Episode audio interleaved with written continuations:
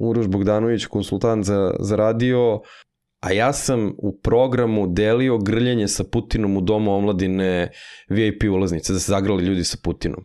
Hiljadu ljudi se javilo. Ja ne mogu da kažem to što sam ja radio na radiju da, da je umetnost, daleko od umetnosti. Ja sam radio zezancije i moju karijeru su obeležile zezancije. I to je imalo svoju publiku. A priča kao i svaka druga kreće potpuno sumenuto. Ovaj, produžio sam studije mnogo godina, temeljno. Na kraju sam ja već bio programski direktor nacionalne radio stanice. Imao sam na, u tom trenutku najslušaniji jutarnji program. Počeo sam na radio ideji, prešao na radio indeks, posle indeksa napravio lagunu i to je to. Ja sam za jedan minut radijskog programa trošio neretko i po 20 minuta pripreme. Apsolutno u medijima ništa nije nemoguće. Samo je pitanje koliko ćeš ti energije i truda uložiti u to. Ti kad napraviš neke upipljive rezultate, ti postaneš vidljiv nekoj zajednici. Pa najveći broj podcasta se završi posle sedme epizode. Ti kad je krenula pod medija, prve epizode ne izgledaju i ne zvuče kao ove sada. I ono što ne možeš nikog da naučiš, ne možeš da ga naučiš iskustvu. Mi trenutno proizvodimo na nedeljnom nivou mnogo više sadržaja od nekih daleko većih medijskih kuća. Mi sada za History Cast i za dva i po psihijatra koji imaju ozbiljnu publiku, jedan i drugi podcast, imamo ljude koji čekaju premijeru epizode. Moraš dobro da se zezeš. Moraš ti da uživaš da. na tome da bi napravio dobru stvar. Sva, svaka nova radio stanica ili bilo koji medij, podcast danas ovaj, su priča za sebe. Ne, ne postoji copy-paste. U profesionalnom kontekstu mora neki red da se uvede. Uuu, koliko pitanja čoveče. Sad, sad si mi razneo. Na kraju krajeva sve je to show biznis. A znaš kad je rođendan? Onda kad imaš para za proslavu. Još podcast 1. Pozdrav svima, dobrodošli u još podcast 1. Moje ime je Ivan Ćosić. Dobrodošli u 150. epizodu. Na početku hvala vam što ste ovde, ostavite nam share, like, subscribe, preporučite nas prijateljima i ukoliko želite nas podržite, linkove do Paypala i Patreona su u opisu ove epizode, a ukoliko nas gledate na YouTube imate ono join dugme. Takođe hvala našim sponsorima, naš prvi sponsor je Beans Kafa, uz Beans razgovaram sa svojim gostima ovde, e, mesečna pretplata na pravi espres, možete da izaberete koju vrstu espresa želite, dostavljena na vašu kućnu adresu, pogledajte njihovu ponudu, link je u opisu ove epizode. Naš drugi sponsor je Scandinavian Design Center, u njihovim stolicama sedimo, ukoliko opremate svoju kancelariju, takođe pogledajte njihovu ponudu, link je takođe u opisu ove epizode. Naš treći sponsor je Grooming Masters, široka ponuda proizvoda za negu kose i brade ili za brijanje. Meni su poslali jedan set proizvoda za brijanje da bih svaki put kada se izbrijem pred ovu epizodu da bi sijao ovde za vas. Takođe imaju jednu super ponudu, a to je da uh, unesete kod JPJ15 prilikom kupovine na njihovom sajtu i dobit ćete popust od 15%.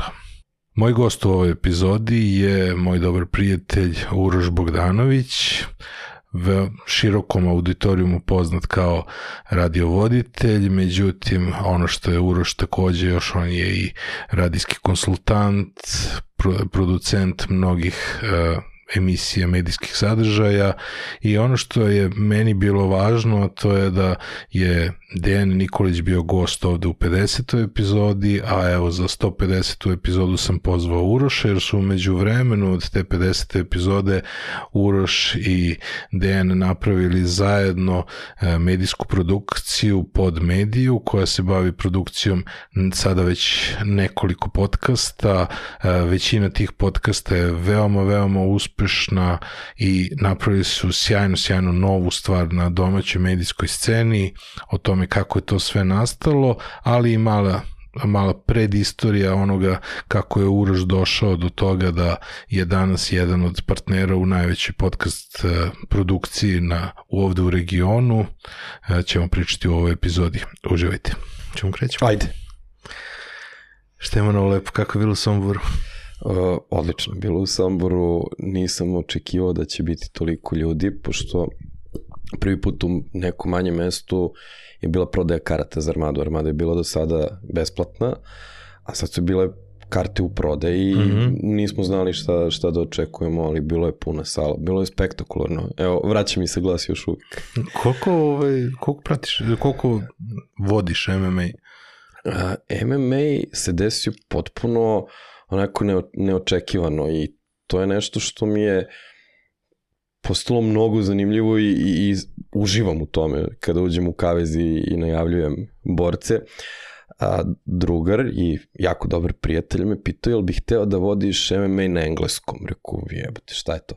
Ovo, ovaj, reku, znam da postoji, znam ja preko interneta, nisam nikada ni bio uživo, ali Da, kao što da ne. Pa mojim poznanicima treba neko ko može na engleskom da najavljuje, pošto postoji kolaboracija domaće promocije sa ruskom promocijom i treba im neko ko može na engleskom da najavi to. Mm -hmm. Pošto je bilo streamovanje direktno u Rusiji, pa ajde internacionalni turnir.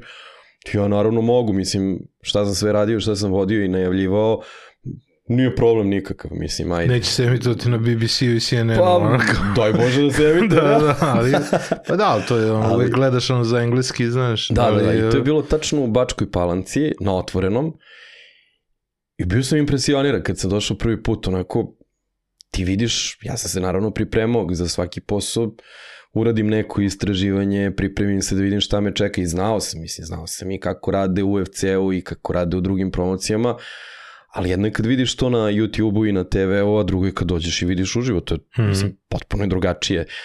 Ti vidiš gomilu tehnike, vidiš kavez koji izgleda onako, Mozezno to je bre ući samo da uđeš unutra i da znaš da nećeš imati borbu, mislim, pucate adrenalin, potpuno je drugačije, realno.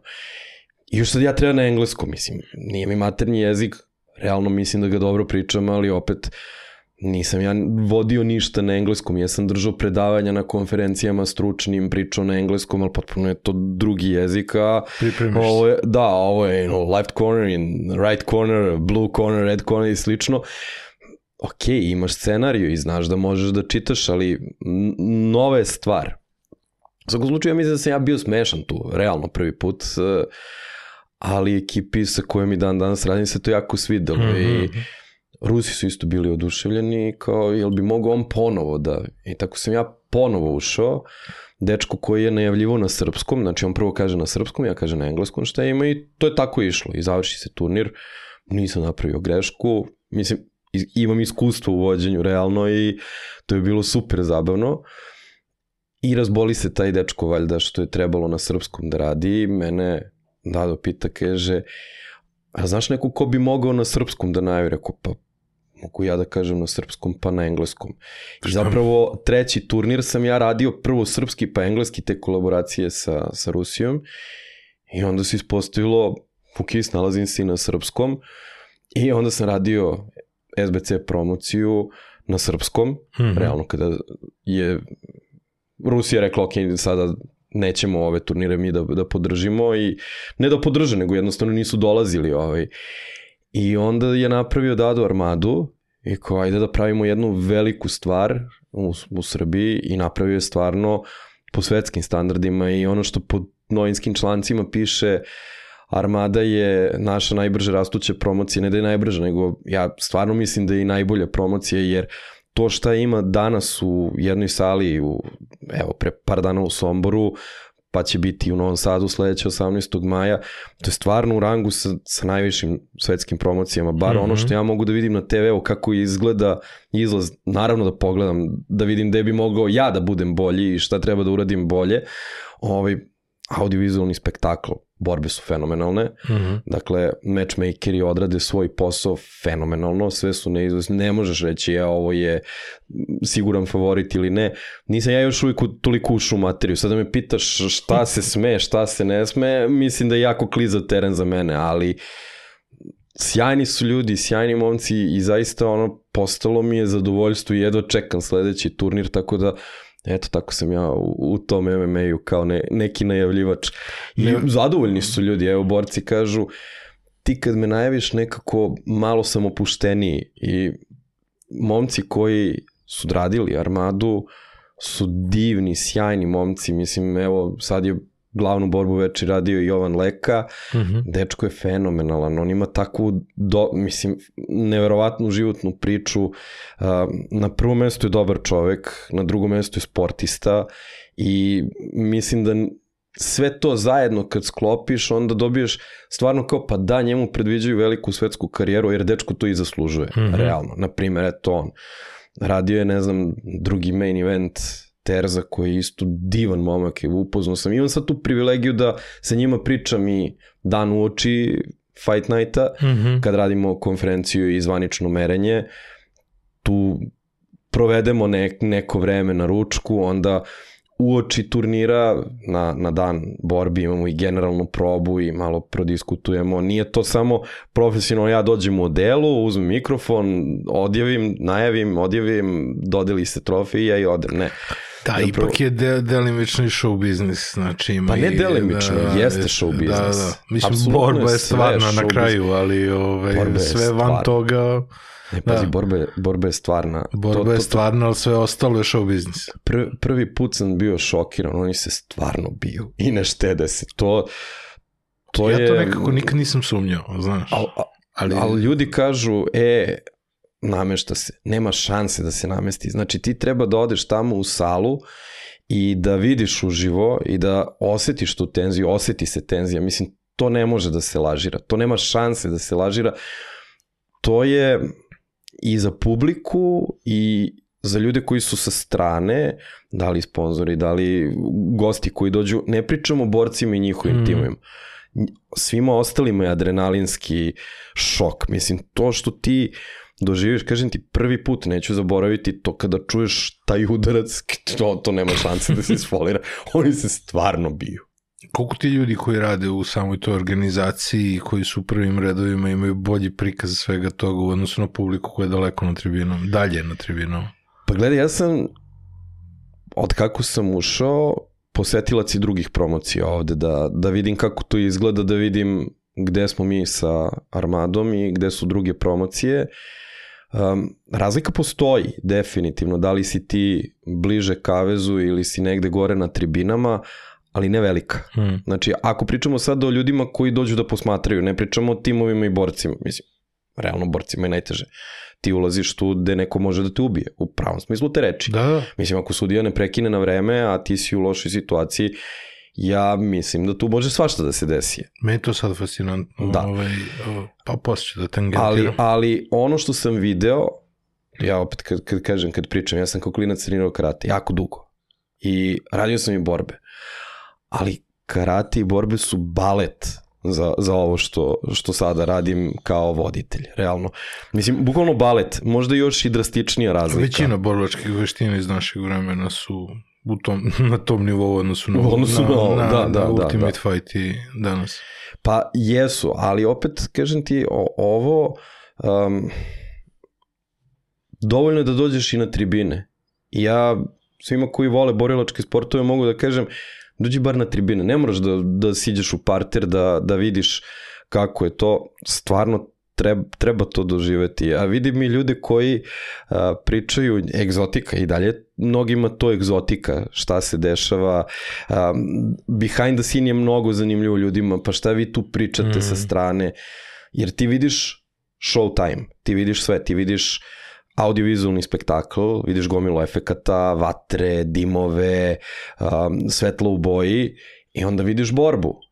Tri runde po pet minuta, bespoštednu borbu koja se nekada završi na ovaj ili onaj način, nokaut, tehnički nokaut, gušenje, šta god, mislim ima raznih načina kako završava borbu ili do kraja, pa na bodove sudi odluče ko je pobedio. Ali to je bespoštedna borba. Ja recimo imam tu privilegiju da nakon borbe, to smo isto uveli, mislim to radi i u svetskim promocijama, mm -hmm. ja uradim intervju sa, sa pobednikom.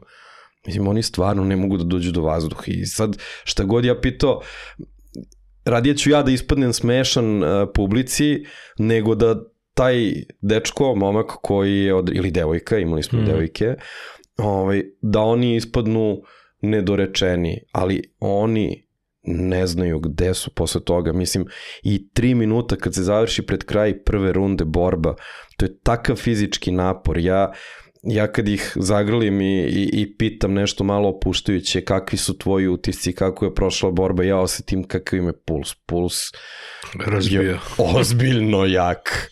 Znači oni su i dalje pod adreni- adrenalinom, to je Kako baš onako, baš, baš, baš, baš interesantna priča. Ali kažem ti, treba doživeti uživo i onda da razumeš sve ovo što sam ja sad ispričao. Zabavno je, biće, evo, ver, verujem da ćeš pustiti pre maja ovu epizodu. Kako bre, ide, Da, za, da. ide za nedelju 18. maja u Novom Sadu u velikoj hali Spencer Armada. Znači, to, to će biti spektakl. A meni, stvarno će da meni bude generalno spektakl. sportski događaj, znam da si do, ve, velikim delom navijač, ovaj, meni generalno sportski događaj više doživljaj nekog energetsko-ambientalnog tipa nego uživanje u sportu. Pa jeste. Jer je redko kad ti doživiš sport, jer ako ti porediš sport za sport u odnosu na kad ga vidiš na svim kamerama, naročito sa današnjim tehnologijama, Da. i svakog ugla, usporeni snimak, to i gledanje uživo gde ti imaš samo jedan delić sekunde da vidiš neki trenutak u tom sportu, potpuno različito doživlje. Jeste, definitivno, ali I pazi, utakmica i, i ovo. ali promenilo se i to.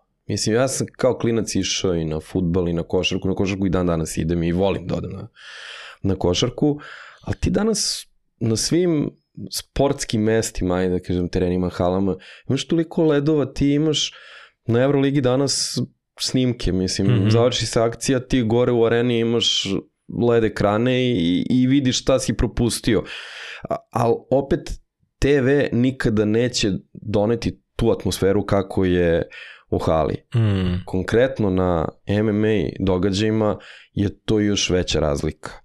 Ja sam imao prilike da budem ne baš deo košarkaške priče u smislu da budem sa mikrofonom i dole na parketu, ali skoro da sam i to imao prilike. Um, drugačije. Ti imaš vatrenu publiku i na futbolu i na košarci, ali imaš i ovde i na MMA-u. Ja, Mm. recimo, imali smo fenomenalnu situaciju u Vranju, da, gde je Aleksandar Terzić radio glavnu borbu večeri protiv izvanrednog momka iz Hrvatske, Luke Sumića. Terzić je pobedio. To, kakva je atmosfera bila, ja sebe nisam čuo. Pazi, ja imam mikrofon, imam ne znam koliko hiljada vati ozvučenje, znači hala je, nema vranje Beogradsku arenu, znači Mm.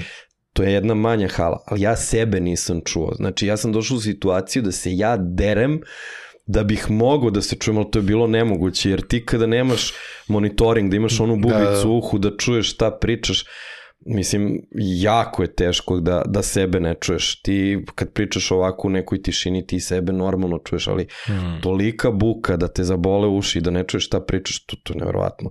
A takvu atmosferu imamo manje više u svakoj hali sa armadom.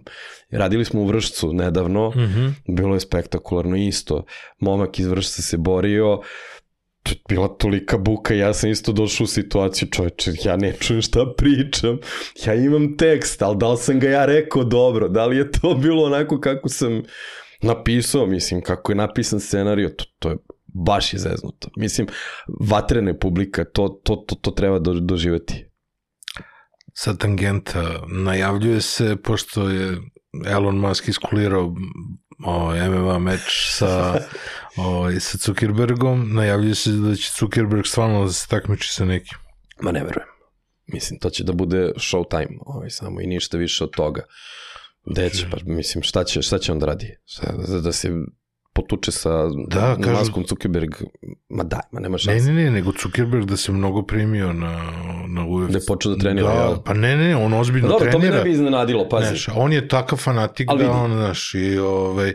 Amerika je je- sve showtime. Mislim, imali smo, evo sad All-Star meč, noćas je bio istok-zapad, NBA, Da. prešlo 200, koliko, 211, mislim... a, Dobro, mislim, ono je već otišlo o- ne igra u se krajnost da, da tu Ali nema... odavno je u Americi sve showtime. I samo je bitnije šta će biti show, ne znam kako, pazi, ja- ajde sad ako pričamo imaju za Ja, ja UFC, gledam ja sa ne znam, ali priče, razumeš, ali sad, sve koliko time, će. Facebookove akcije da padnu zato što je ono direktor u životnoj opasnosti, realno.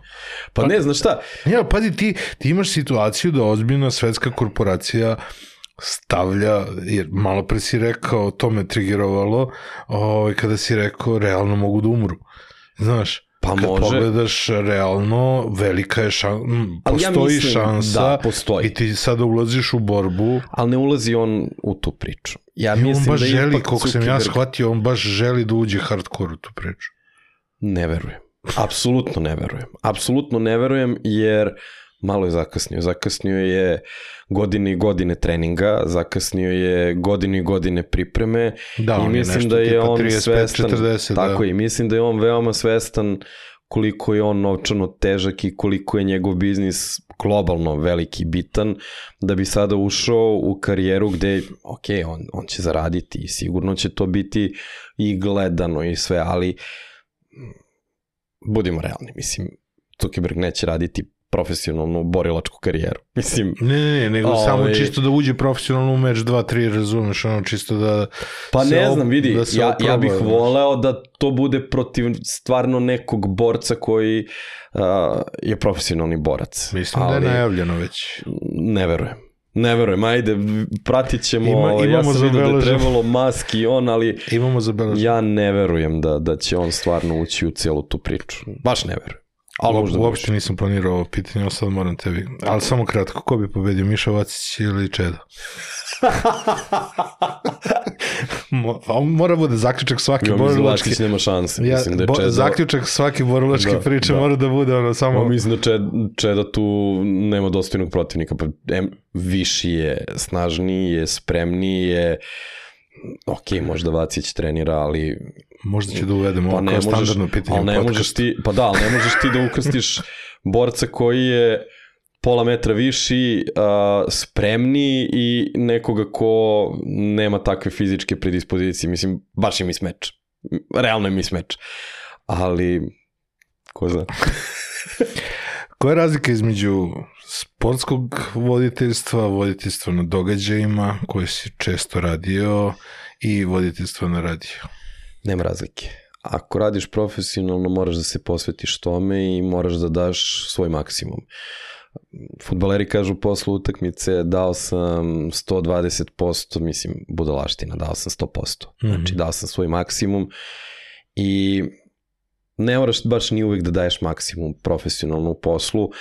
Bitno je da imaš kontinuitet od bar 80% svojih mogućnosti, jer onda uvek imaš mogućnosti za neki napredak, ali ako se posvetiš nekom poslu, nema tu razlike.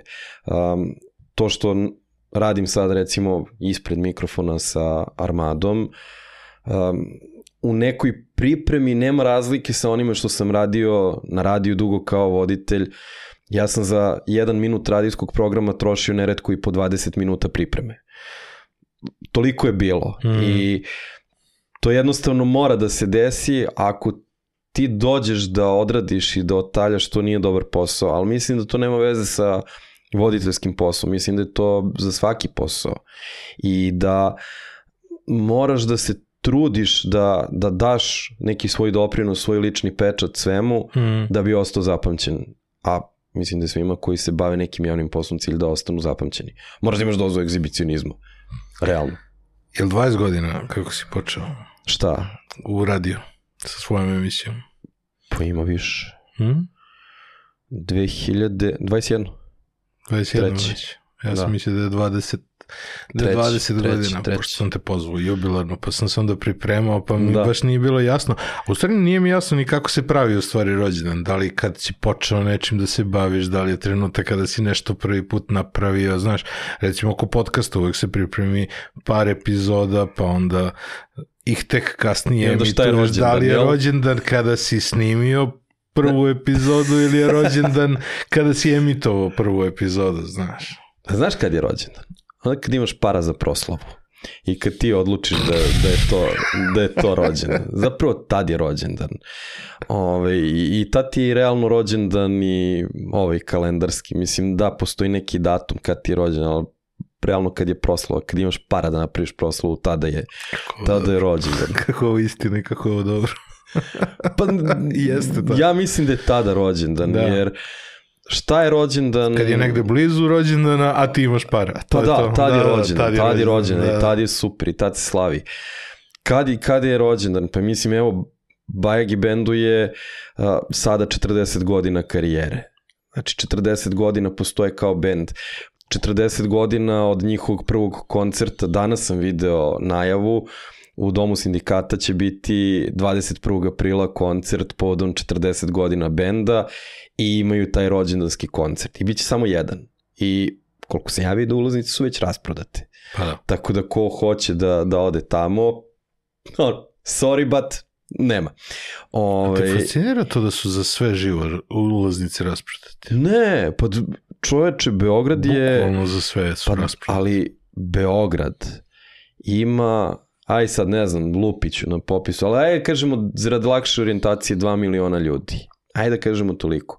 Tih 2 miliona ljudi imaš niži stalež, imaš srednji koji je najveći, koji ide ka tom nižem i uh, višem i imaš mnogo ultra bogatih ljudi. Tako da za svakog imaš po nešto. Ti imaš publiku, Beograd nije seljana. Hmm. Znači nije isključivo samo seljana što mnogi pričaju, aj sad šta je to seljana i to je diskutabilno, ali za svakog ima po nešto i to je lepota. Mislim, mene nerviraju kada pričaju, evo treba ukinuti. Ne treba.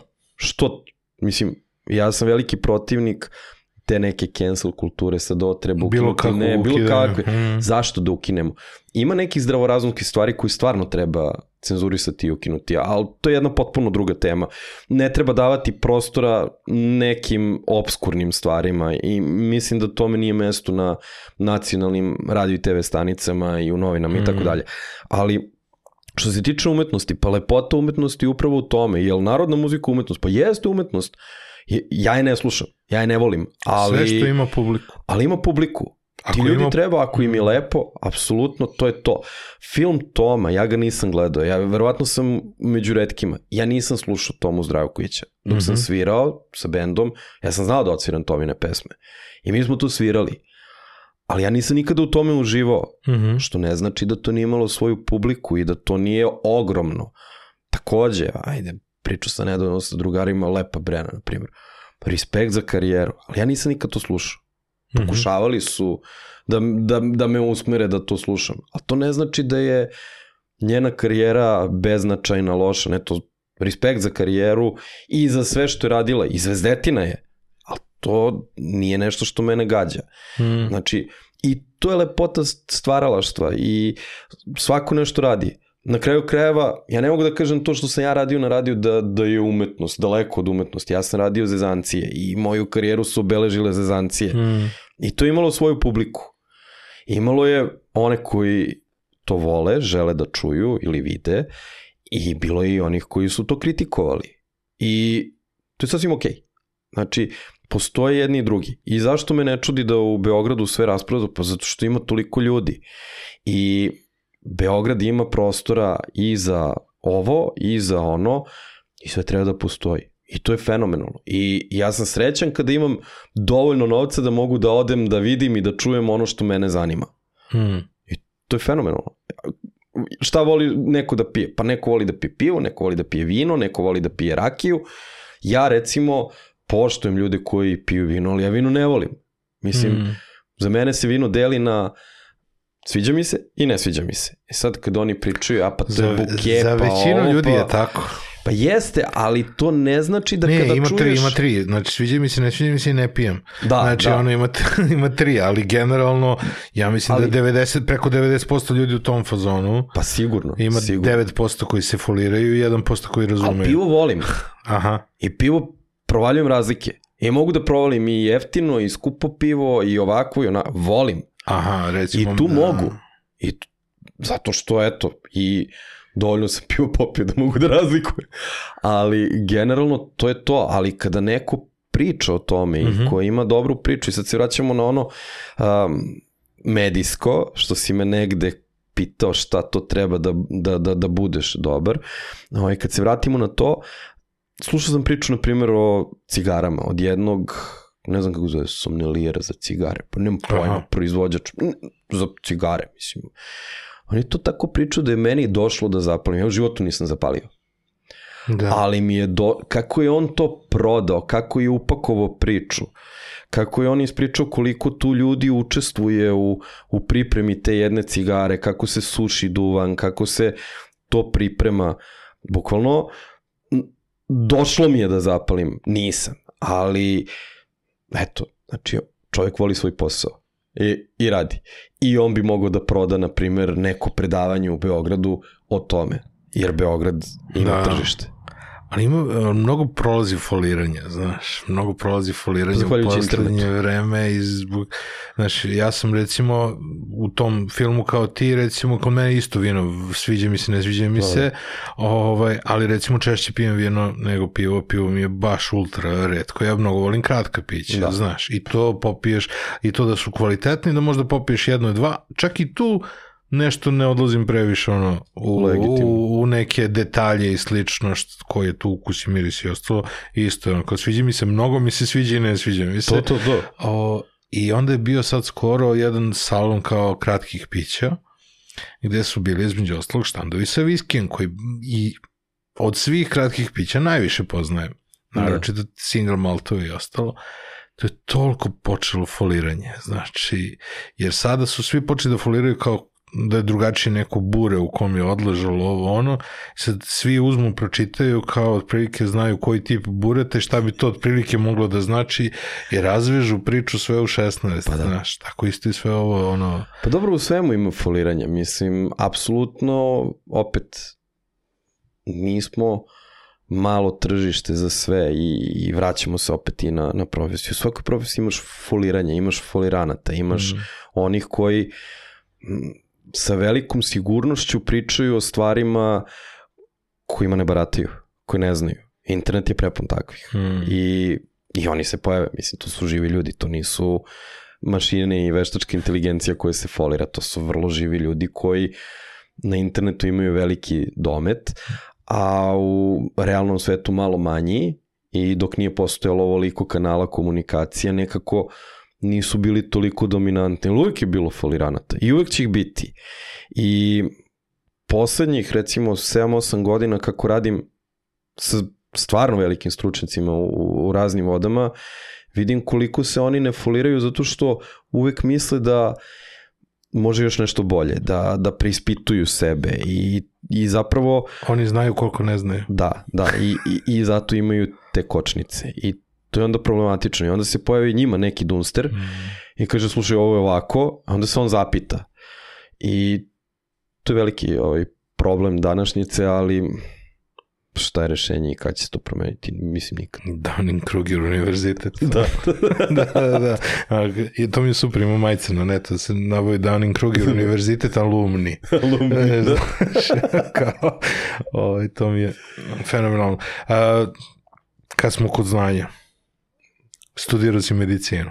Mm, Pa Jako, istra, jako su mi interesantni ljudi koji su tako nešto zamislili u životu i onda uh, istrajali u tome bez obzira na ono što su studirali. Pa, znaš šta? Ove, Ti si želeo celog života radio, studirao si medicinu i pa, izgurao a, svoje. ne, ne znam kako bih sad to rekao, zašto ja nisam ostao u priči mantila. Ovaj, a, odrastao sam u lekarskoj porodici, svi oko mene su lekari i dan danas i na kraju krajeva i ovo što radim, verovatno ćemo pričati ovo što danas radim i tu ima lekara, nekako cijelo to okruženje je meni prirodno. Mhm. I drugo prirodno mi je i ta neka umetnost, muzika. Ja sam u prvom osnovne upisao paralelno i muzičku školu. Mhm. Ali ne sa ciljem da budem profesionalni pijanista. Sa ciljem da imam svoj bend. Što ja mislim da je bio prst u oko svim nastavnicima u muzičkoj školi u koju sam išao, jer ako pišeš muzičku školu ti sviraš klasiku i ti si klasičar. Ne, ne do bog da ti sad pomisliš da hoćeš da imaš rock and roll band i slično. Iako Mhm. sa mnom na generaciji su bili mnogi sa današnje strade, što u roku, što u folku, stvarno je bilo fenomenalnih i dan danas to su vrlo uspešni muzičari. I naravno ima i oni koji su ostali u klasičnoj muzici i žive ovaj, od toga i, i stvarno su uspešni. Jedna od njih i moja sestra koja je verovatno trenutno pa evropski najbolji violončelista koja dođe ovde, sad živi radi u Amsterdamu, Bravo. ona dođe ovde, održi koncert, napuni kolarac i feno, fenomenalno. Živi od toga, Mm. Ali živi u inostranstvu. Ovde, nažalost, ne može tako. Sa nama je bio, uslovno rečeno, generacija plus minus i Nemanja Radulović. Nemanja ne živi u Srbiji. Nemanja živi u inostranstvu. Svi smo bili tu. Mhm. Mogu da ti nabrojim ljude koji su ovde u Srbiji i koji, braća Matić su sa nama bili u muzičkoj školi isto.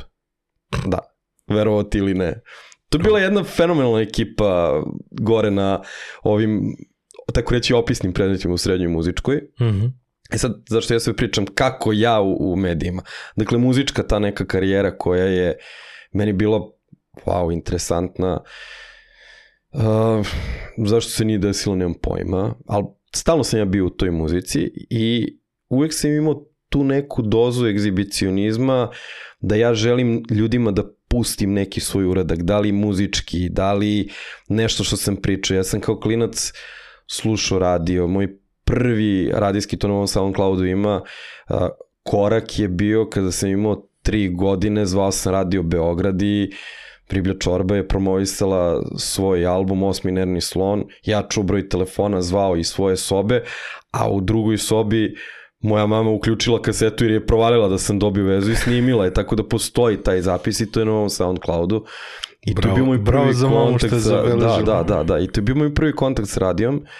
I nakon toga ja sam sa dva deka u kući pravio neke svoje radijske emisije, zezao se. Pritom nisam slu, slušao aktivno radio, mislim. Ja sam tada, šta ko klinac, ni ne znaš šta je to, ti imaš neku malu kuticu, čuješ muziku, čuješ neke govore i to je bilo jednostavno malo drugačije vreme. Radio bio mnogo dominantniji nego danas i pravio sam te neke svoje emisije, snimao kasete, pustim pesmu, ja najavim, pa je nešto ispričao, neku zanimljivost, pravio sam neke svoje ludačke vesti. Ti snimci ne postoje, ali to sam radio, mislim, možda i postoje negde u, u nekom podrumu kod mojih na kasetama, ti uraci možda, ne znam, Ove, ali bilo mi je zanimljivo. E, onda se desila osnovna škola, um, paralelno i muzička, sviram, idem na takmičenja razna, talentovano dete, pa onda dođeš u priliku da gostuješ na Radio Beogradu ja čoveče, odeš na Radio Beograd pa vidiš ti kuću koja je ono u, toj hilandarskoj ona zgradurina Ona kad uđeš u, špica, pa mislim to i dan danas izgleda tako kad sam ja kao klinac gostovao, nije se ništa promenilo, ostali su u tom nekom prošlom veku. Verovatno ima sloj prašine, ono. Pa Iz tvog vremena, ono, na nekoj terasi. Gotovo ne? sigurno, ali to mi je bilo, wow, ti uđeš neki studio, dupla vrata, pa ta, ta prostorija, očaralo me to, mislim, i sve te emisije koje sam radio su dobile još više na, na, na značaju koje sam ja radio, ali eto, opet odrastao sam u toj nekoj lekarskoj porodici i opet kažem i svi oko mene i kumovi, familija, svi, svi su lekari, apsolutno svi. Nije bilo drug, druge struke, bilo je muzičke, moj, uh, šta mi dođe, mislim meni deda, mom ocu ujak je bio muzičar, njegova deca isto umetnosti i tu sam imao dodir sa Mhm. umetnosti i nekako mi je to oblikovalo malo kao i Maju, što je oblikovalo da idemo i ka muzici.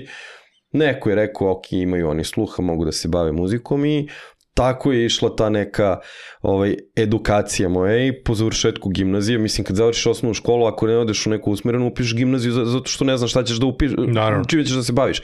I upišeš gimnaziju, koji tako. ćeš smer, pa naravno, ovaj, i koji ćeš smer prirodni, pa da, pa posle prirodnog smera ne možeš ti sada mnogo da pametuješ. Nije logično da ću ja da odem na istoriju koju sam učio samo da bi dobio ocenu, mislim, gimnazija Zemunska je priča za sebe bila tada, jer ja sam ona generacija koja je imala i sankcije i nemaštine i jedne proteste i druge proteste i bombardovanje i, i sve to potkrpio 81. sam godište. Stiš ranije ili...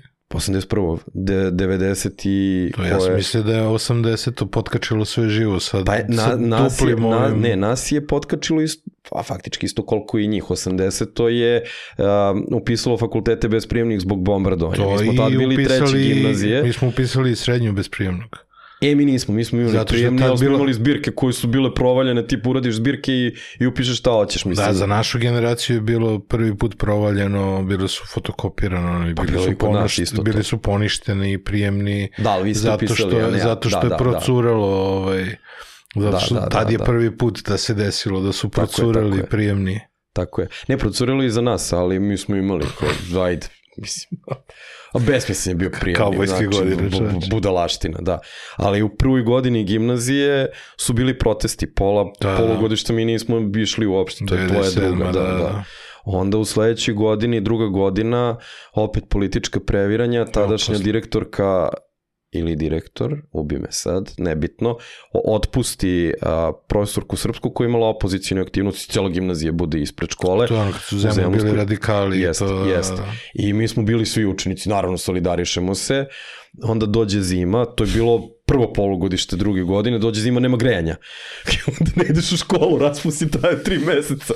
Ali bukvalno tri meseca mi nismo išli, izgubili smo. Kako kaubojske Pa da, godine. znači, Dobro smo mi ludački. ono... Onda treća godina bombardovanja, opet ne ideš celo jedno Naravno. polugodište. Pa da, jeste, malo smo se uplašili na početku, zapravo bilo je dobro zezanje te 99. A upis za To- faksu je vama tek bio ko, ludilo pa ne, ovaj, pa u ko će 5. razmišljati? oktobar. Ono, da, da, da. I onda... Vama je praktično dođe. početak faksa bio 5. oktobar. Jeste, i onda dođeš to. E, Jeste ludo. I I 81. upisao ludo. ja medicinu, naravno. Nisam baš previše svirao sa bendom, imao sam tada bend, mislim, mladost, ludost, ono, laka lova na svirkama, zaradiš pare, naučio sam da, da, da zaradim. Ma, lepo je ovo medijski, super su aplauzi, javim se ja na radio, ja imam ideju za emisiju, sadašnji prijatelj, tadašnji kolega koji me u priču saslušao i tako ja na prvoj Branko. godini faksa, da, na prvoj godini faksa ja počnem da radim na radiju. Otprilike kao neko ko dolazi po trčko i to je to i šesta godina faksa, ja već programski direktor, mislim, produžio sam ja studij. Ovo, da se ne lažem, onako, u proseku. A kad si, do, kad si dobio ono emisiju i da, kad si se oprobao ispred mikrofona? Pa znaš šta, radio ideja, imao sam ja tu, što sam radio sa Banetom, Milan je povremeno dolazio i, i Popke tu bio. Imali smo mi 2004. recimo tu večernju emisiju gde svi smo bili autori, ali faktički ajde, neka inicijalna ideja je bila ta moja, onda me Bane u njegove emisije, zajedno smo radili i tu su bile večernje i tad je radio bio spektakularan. Mi smo se tako dobro zezali, odradimo emisiju i odemo na Vuku spomenik na country i zaginemo do jutra. A ja ujutro moram na predavanja i onda ti jasno zašto sam obnovio neke godine. Mislim, to odradiš emisiju, super se zezaš, mislim, to je, mi, mi smo izlazili na radio tada. To je bilo... Da, večernje druženje. Pa da, večernje druženje, kontakt program je bio uglavnom, ljudi su se javljali na, na radio, bi- bila je druga atmosfera, mislim, malo se drugačije živelo, uveliko je bio internet prisutan, mislim da se ne lažemo tada, smo svi bili, mislim, ja sam internet imao, imao sam ga u srednjoj školi, da, imao sam ga u srednjoj školi. Svi smo Bio sam, imali, svi smo ali imali. Ja sam bio na realno, to. realno od 2000-te, 2001. je tek počelo ono da se ima ozbiljno ovaj, Pa da, to je bilo ono neka ircovanje brzina, do slično, tad je bilo smešno. brzina. Da, da, da. Ma nije bre čoveče. 99. smo igrali MiG-29, tad je bio već, ne, to je bio isto dial-up čoveče. to je isto bio dial-up. Da, dial-up, mi smo cepali onaj MiG-29 na dial-upu. Da, bio je dial-up sve do recimo tamo 2000 možda četvrte, pete Koji je su imao počeli... ISDN, taj je bio bogataš. Da, ISDN, da. da. I, Da, da. I bili su i oni da, sa duplom konekcijom, oni 128. Yes, 128, nisam da. nikad imao. 33.600 sam imao i posle 33.600 sam prešao na kablu. Pa bio je onaj neki 57, 800 ili tako nešto, ne znam koji je bio, 51, 200 ili tako nek, bilo neka Ne, čudno. 33.600 je bio. Bilo, bilo nešto sa 50 neka oznaka, To nisam imao. ali nije uspostavljao baš vezu Da, kako nije, treba. da, da, da. Je bilo kao smanjiš ga na 33. Da, da. A realno gledano, da, mislim, šta imao si tada, ono, A koji MySpace, trenut- GeoCities i Angel Fire i da. te gluposti. Ne, ja sam imao forme. Ja sam imao forme, ja sam A u dobro, dizajn nisam ja. priči, ono, znači, dizajn zonu, Netsurfer, eh, pa, Dobro, i- svi su bili Serbian Znaš, Cafe, Serbian Cafe da, je bio da... Pre ovaj, Forum, Burek, naravno, da, svi smo tu da, bili. i Clan Rur za Da. igrice. Da, da. Znaš, Bio I neki su tome. bili na, i- na ovom... I Elite Security. Na Elite Security, neki na Benchmarku, Jest. to su sve Pa iz, iz te generacije. Da. Svi smo imali naloge na I svim. ICQ. Da, da. To, to, to je bio E, Messenger. skoro sam našao broj od ICQ. Ja imam i dalje, znam ga na pamet, 168 98196. znači, ja sam skoro nešto... Ovaj, Yumi Password, znaš da postoji iOS aplikacija ICQ? E, I imaš ne. ICQ da skineš za iPhone. Znači, Ja iOS sam i- ušao. i tvoj UIN radi, znači, al, Da, da, ali ja sam ušao... al su promenili. Imaš stare ljude? Zato što ja znam šifru, ali nisam znao broj. Aha, I ne znam šta a je... morao si UIN da znaš. Ne, nisam znao broj. Pa kako si ušao onda? Tako što mi je lik skoro kontaktirao i kao, jesi ti ovaj i daj mi moju vizit kartu, pazi, iz 2000. godine, Ludilo. od 2001. gde sam ja išao na neku, neku konferenciju da pričam, gde ja i dalje imam gamerske podatke, razumeš, jer ja sam prva ono, prva ona mail adresa mi je bila za Pa da, gaming, pa da, razumeš, pa da. i sve to, sa sve uredno, ja sam ladno u marketing agenciju u kojoj sam radio, dao lepo svoj ICQ broj da mi Ti si stave na bog. vizit kartu Ti si i čovjek mi šalje sliku moje vizit karte koju sam njemu dao pre 20 godina, Da, da, da. kao si ti ovaj, Jerko. Pa dobro, to se stavlja na vizit karte. Mislim, i, danas stavljaš na vizit karte ono što ti želiš faktički, što Pa te da. predstavlja. Svi su drugačiji na LinkedInu, drugačiji su na Instagramu, drugačiji su na Facebooku i svi stavljaju sve. Da, način, Zavisi gde daješ te način karte. za komunikaciju, da. Pa da, pa da, da, da, da. Tako da sam skoro to baš našao. Da, zanimljivo. I eto tako, kažem ti, Kad desilo odlučio se- da odsečeš ono, da, da batališ totalnu medicinu i da ne budeš to, da, kao, to nije moje. Pa na kraju, na kraju, na kraju faksa ovaj, je to bilo vrlo jasno. Mm, pošto kažem ti, produžio sam studije mnogo godina, temeljno. Ovaj, a, na kraju sam ja već bio programski direktor nacionalne radio stanice. I na toj šestoj godini ja sam imao ozbiljnu platu, imao sam i neku prepoznatljivost. Nije to bila nikada spektakularna prepoznatljivost, ali bila ozbiljna prepoznatljivost za, za teritoriju Srbije je bilo baš dobra, mislim. Realno, imao sam na, u tom trenutku najslušaniji jutarnji program koji sam ja radio.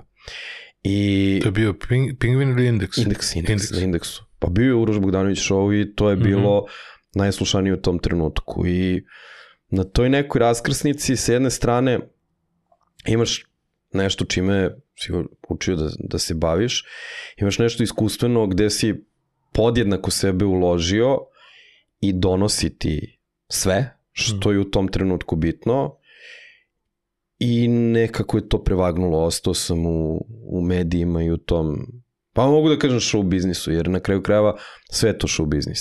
Mediji su show biznis. Koji su si sve nakarikao radio stanice u Pa ja nisam karijeri? puno, nisam puno, što je najluđe. Danas imaš voditelje koji su promenili po 10-15 radio stanica. Počeo sam na radio ideji, prešao na radio indeks, posle indeksa napravio lagunu i to je to. Mhm, Imao sam mhm. kratku avanturu, ne pričamo o konsultantskom poslu za, za medije. Dobro, dobro, Da. to dolazi kasnije. Ovaj, to dolazi posle lagune. Ali nisam ja bio na drugim radio stanicama. Imao ja sam i mislim da si ti jedan... počeo ono, tu da između ideje indeksa bio Pingvin? Ne, ne, ne. Jesi. Pingvin se tad ugasio. Pa, ta, Mislim, nije se ugasio, ali nije, nije to, Pingvin se nikad bio. nije ugasio. Pingvin je postao S4, valjda, ili S3. Jedno od ta dva. Mhm.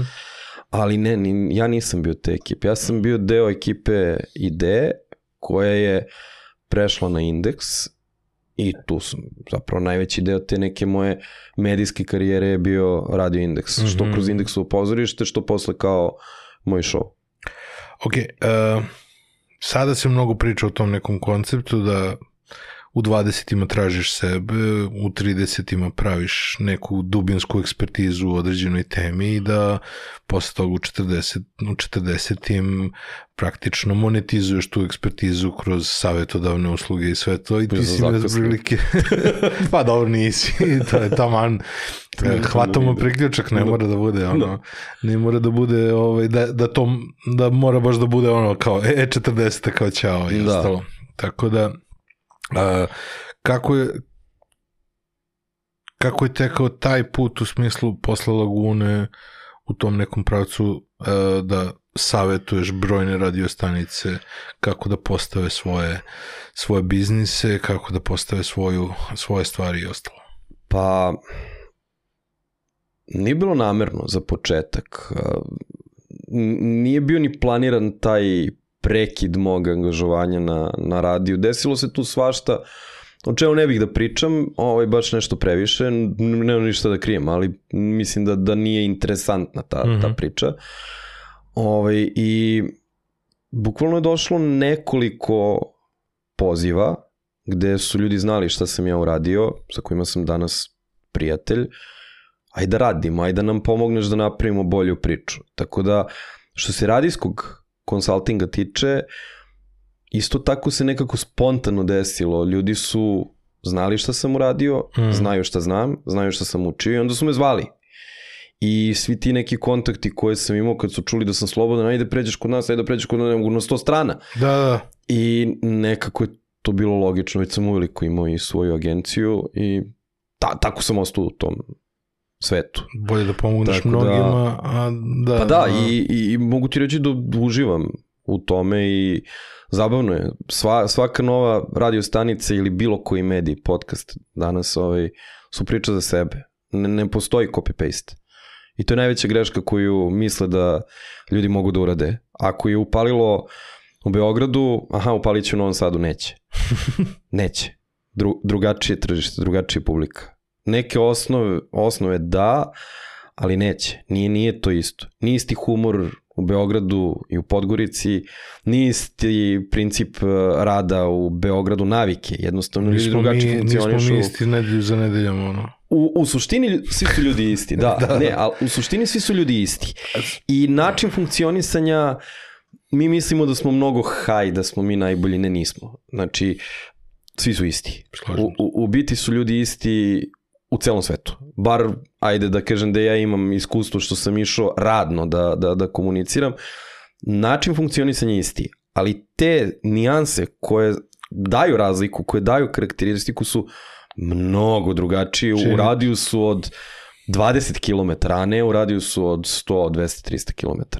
Pa to ja kažem što smo, mi smo različiti nedelja za nedeljom, ono, to, to. Da, da li si dobro raspoložen danas ili ono, ok, postoji nivo profesionalizma kada ti možeš to da, da neke stvari gurneš sa strane i da držiš nivo profesionalizma koji želiš, ali ti ćeš da napraviš različitu emisiju danas i za nedelju dana. Pa da, Znaš, e, recimo to, to, je, varijanta, to je lepota. A sa druge strane ona sličnost pokazuje da u principu bi mogao svako, i treba svako da se oproba to ono što si ti rekao na samom početku, neka širina, izvoli probaj, izvoli, ako ide, ide, mislim. Pa da, pa da. Uh, da, recimo, e to sad si rekao negde, kad su me pitali negde, ne znam, neka TV emisija kao pa šta je to lepo u tom jutarnjem programu, ja kažem sve. Uh, znači svaki dan drugačiji. I kad radiš zabavu, ti nemaš isti dan. Hmm. Mislim, ali opet kažem, svakoj profesiji ako pristupiš kako treba, tebi je dan drugačiji. Ti imaš samo monotoniju ako radiš neke rutinske poslove gde isključiš mozak i gde će svi ti ljudi biti zamenjeni robotima i mašinama. I bit će zamenjeni. I bit će. I ajde da sada ne, ne širimo previše priču AI je goruća tema, svi pričaju o AI-u, to je super. I zamenit će i na radiju prosečne voditelje. Zamenit će. Jer ne može ni jedan voditelj bolje da zna od ovih jezičkih modela instant o svakom izvođaču i o svakoj pesmi i kada je snimljena i ko je peva i koliko ima kavera i koliko je imao downloada na Spotify, Deezeru i slično. Nema šanse to voditelj u, u trenutku da prospe koliko može AI. Ali u ovom trenutku uh, tu neku emociju koju voditelj može da prenese, nema šanse ovi jezički modeli da uradi. I Naravno. ljudi koji prave autentičan sadržaj koji je dobar, nema razloga da se plaše da će biti zamenjeni. A svi ovi, da, treba da se plaše. Naravno. Ja jedva čekam da radio stanice za kojima radim, da mogu da im kažem, evo, plati licencu, ovo će da najavljuje, odjavljuje muziku. I to su one čuvene radio stanice, voditelj koji se uključi na 5 sekundi da najavi, odjavi pesmu i kaže kakva je temperatura. Takvih ima koliko hoćeš. Da, to. I za, bit će zamenjeni.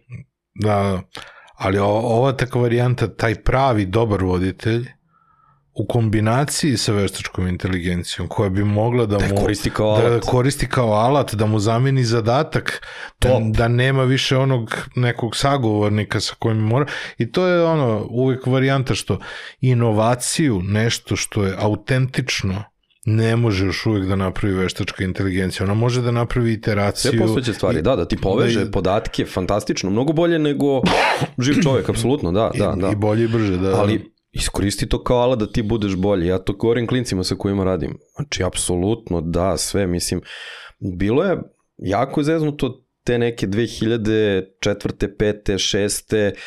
Po, realno pre Facebooka. Facebook je Mhm. promenio mnogo toga. Bilo je zeznuto kako da ti dođeš do šireg auditorijuma. Mislim, stvarno je bilo teže. Ti si imao ljude koji snime nešto tvoje sa radija, pa se prebaci preko Bluetootha kao MP3 i slično. Ti realno si, ako imaš sajt i ako ti ljudi dolaze na sajt i okačiš nešto, što ćemo kasnije videti da su neki pametni ljudi nazvali podcast, e onda ti imaš neki veći domet, ali nije, nije bilo načina kako Da, da, da, ti ali ljudi su svoju... želeli da, da, da dele, znaš. Želi danas. ono, sećaš se onih USB-ova, pa? CD-ova, Da. pa kao ja ti snimim Ajde ti CD, pa prekopiram. ovo, pa ti prekopiram ono. Mislim, danas sam slušao govore nekog lika iz nekog sela kod Paraćina, Da. znaš, i to oni prvi neki mimovi su i prvi neki videoklipovi, pa smo delili one Whatsapp eh, reklame. i Tako, ono. ali žele to i danas. Da, da, Mislim, samo, što danas- sve, samo što je sve na klik. Pa da, ali dobar sadržaj, mislim, viral je viral. Da li je pre bio, šta je viral? Viral je dobar sadržaj. Mislim, Nešto na kraju dana je dobar sadržaj. Što svi žele da podele. Da. Zašto? Zato što su oni uživali u tome. Ne mora viral da bude samo zezancija. Imaš viralnih tekstova koji su ozbiljni, naučni, možda ne sa tolkim dometom Mhm. kao zezancija, ali imaš i to, žele ljudi da podele. Evo, sutra kada budemo imali definitivno registrovan lek protiv maligniteta, to će biti najviralnija vest. To će svi podeliti. To će se desiti u nekom trenutku. Sigurno. A to nije zezancija, to je veoma ozbiljno. I kontrareakcija će biti velika. Pa biće, naravno da će da bude. Kad krene, da, ludilo. Da, kumune, nećeš ne, da ti meniti. Da. Da, ali a to će biti... Antirakovi. Da, da, da, da, da, da, da, da. da Antikancer. Pa biće, biće, biće.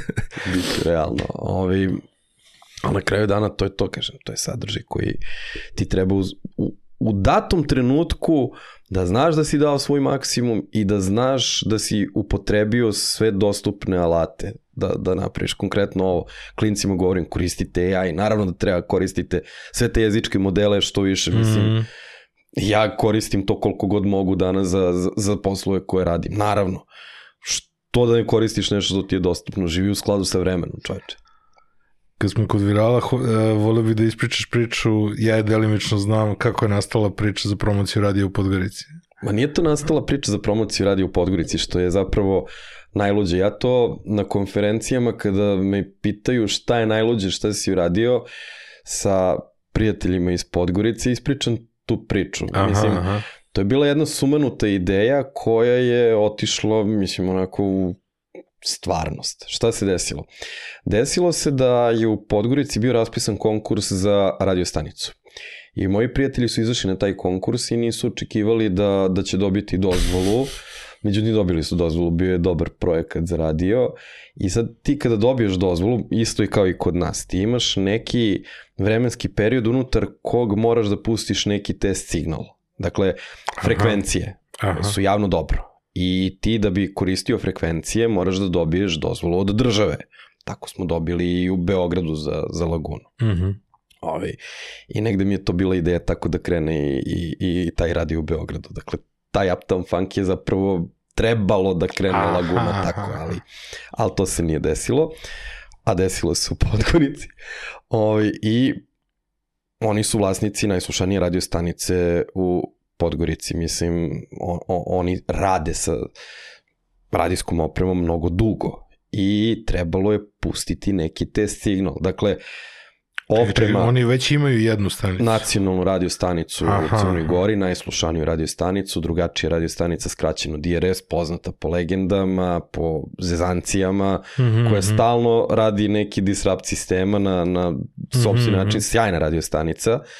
Ovaj, I bio je raspisan konkurs, ta ekipa je dobila frekvenciju, moji prijatelji, kažem ti, ovaj, i trebalo je pustiti test signal. Međutim, nema studija, nema ekipe, tek treba da oformimo radijsku ekipu, da obučimo ljude, jer trebalo je to da bude jedan onako dobar gradski govorni radio. Trenutno jeste veoma, veoma slušan taj radio u Crnoj Gori, ali morali smo da pustimo te signal. I sad, ti kad imaš, da objasnim za ljude koji sad ovo slušaju ili gledaju nebitno, ti kad već imaš jednu radio stanicu, tebi je puštanje nove radio stanice realno smejurija, jer ti mm -hmm. antenski sistem jedne radiostanice možeš da koristiš za više radiostanica. Potrebno je samo da imaš faktički jedan neki transmiter ili ti predajnik koji će na toj frekvenciji da emituje signal, možeš da koristiš postojeći antenski sistem. Dakle, potreban ti predajnik i potreban ti je eventualno neki izvor muzike da ne gurneš baš SD karticu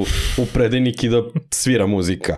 Dakle, laptop i to je suštinski sve što ti je potrebno da ti neki signal pustiš. Mm -hmm. E, i za taj test signal, to je bila tišina na toj frekvenciji 933 u Podgorici, mislim, tišina. Ali da se ispoštuje forma, ja kažem, aj pustimo Uptown Funk da se vrti. U tom trenutku je bio Uptown Funk hit broj 1. Mm -hmm. I pustili smo. I to se vrtelo i sporadično vidiš na forumima neko kreće da piše e, vrti se jedna pesma. Mislim, sad Na repeat. treba, da, da, da, sad možete da izgooglate radio stanicu u Crnoj Gori i emituje jednu pesmu. Međutim, taj te single se malo produžio. Na dve, tri nedelje se vrto Uptown Funk i krenulo je tu svašta top one format. Sledeći korak je bio da snimimo najave za Uptown Funk. E sad, a, u Crnoj Gori, ekipa koja je na DRS-u ima jako prepoznatljive glasove, moj glas u Crnoj Gori nije bio toliko prepoznatljiv i snimio sam ja iz Beograda 50 različitih najava za taj Uptown Funk. Slušali smo Uptown Funk, a sledeća pjesma Uptown Funk. I I to je išlo na random, 50 različitih najava. I tu je krenuo preozbiljan viral, znači tu su pisali, to je završilo na BBC-u, ovaj, da jedna stanica iz Crne Gore pušta jednu pesmu. I, i to je trajalo i to je trajalo i kada smo znali da si ti radio spreman i kad je bila spremna i baza i sve, onda smo rekli u ponedeljak puštamo novu pesmu. I tako nas da si ti radio, koji je od prvog dana emitovanja imao super ratinge, baš zbog tog. I koliko je trajao Uptown Funk? Ma nemam pojma, ali dugo, mislim, sad koliko, da, da li je to bilo dve, tri nedelje, ali bilo je. I onda smo u čas toga na rođene radio stanice Nova godina, se koliko je to bilo emitovanja? Izvini Gaga ako sam zezno stvar, ali ja recimo mislim četvrti rođendan, 31. decembra je pičio Uptown Funk ceo dan. na, na sitiju. to je, o... bio novogodišnji poklon slušalcima. to je ostalo kao, da, da, da, kao da, zakucano. Da, to, je, to, je, to je baš onako jedna fenomenalna sumanuta i, i toliko dobra priča. Imao sam ja ideju kako da tražimo voditelje u Beogradu na Laguni, pošto ti imaš neke kvote. Kad imaš radio stanicu, ti plaćaš određene kvote Sokoju, na primjer. Sokoj mm -hmm. je jedna kuća koju možemo novi podcast da napravimo i svašta mogu ja da ispričam o tome, ovaj, ali njima moraš da platiš. Moraš te moraš neku kvotu kad imaš medij da platiš i kad imaš kafić, oni muzički dinari i kad imaš frizerski salon. Dakle, oni uzimaju pare i oni štite kompozitore. To je Savezna organizacija kompozitora Jugoslavije, Soko iskraćeno. Mm -hmm. Iako to ne postoji, ali Sokoj si daje. Nema veze. Da, nema veze. Spokoj čuva Sokoj. Da, da, da. I ti plaćaš njima neke pare u zavisnosti od toga koliko imaš muzike u programu. I sad imaš kvotu. Ako je govorni radio, Mm -hmm. mnogo manje plaćaš. Mi nemamo govorni radio u Srbiji. Ako imaš 50 do 60%, možda sad lupam, zaboravio sam koje su kvote, ali ako imaš 50 do 60% muzike, plaćaš manje ako imaš uh, više govornog programa, manje muzike. Ako mm -hmm. si preko 80% u okviru 24 sata, plaćaš najveću kvotu. Aha. I pošto smo mi bili na početku, a nismo imali redakciju, jedan od planova je bio da nove ljude napravimo na Laguni, da ih dovedemo. Ja sam teo celu noć da idu samo oglasi, tražimo voditelja, javite se, tražimo voditelja, javite se. Ovde je bila jedna ideja koja nažalost nije zaživjela. Ja mislim da bismo imali još više prijavljenih. Imali smo preko 2000 prijavljenih na prvom konkursu i to je bilo isto onako fenomenalno ludački. Da, da, mali oglasi, ali onda napraviš ono 30 različitih malih oglasa koji je svaki u stvari... Isto to, tražimo, prijavite da, da, se, CV pošaljite da, da. na to i celu noć da piči to. Jer slušanost radija noć je jako mala. Mm -hmm. I to znamo na osnovu istraživanja. Malo se sluša. Ali kada bi napravio tako nešto, pa ljudi to bi bilo govorili, spektakularno, ljudi, to bi... Ljudi bi govorili jednim drugim, da, da, uključi da, se, uključi slušaj da sada, čuješ, da, da, uključi da, da, čuješ da, budala. Da, da, da, to, to, to bi sigurno prošlo fenomenalno. ovde nemamo voditelja, ovde nemamo voditelja, ovde nemamo voditelja. Znači to da, da, da ispira mozak, ono, par sati. Bračni par u centru Zemuna preporučuje voditelju da se javi da. radio lagoni, Da, razumiješ? da, Ono, znaš, Da, i onda sve da bude ono. jer u principu mora da bude dobro zezanje. Ja i danas pričam mladim ljudima da bi bio dobar voditelj, dobar kreator sadržaja, osim ako ne radiš informativu, a i tu moraš da uživaš. Znači, ali moraš dobro da se zezeš. Moraš ti da uživaš Da, na tome da bi napravio dobru stvar. I da, i da ispipaš da li ono što si ti zezaš ima publiku. Da, naravno, i, znaš, mislim, pa ono, da. kao napraviš, ako ima publiku, pič i, Tako i to. radi ono što, što se tebi dopada, što tebe vozi. Da, da, ima, ima tako milion primjera gde... Da, šta si ljudi još, samo- koji su još neki trenuci iz, iz te karijere?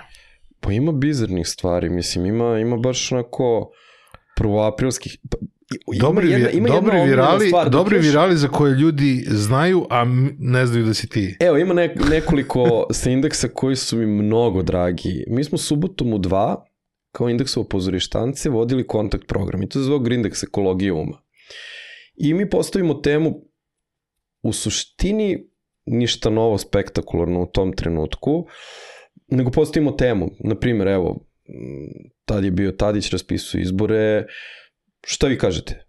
Znači, bukvalno otvoriš temu i ljudi se javljaju. I telefon usijan.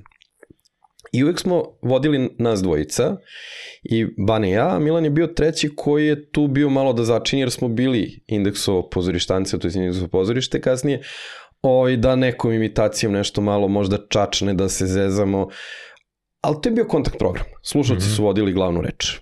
I desi je jedna subota da sam ja sam u studiju, Bane se razboleo i nije mogao da dođe i sad treba popuniti dva sata govornog programa sa slušalcima.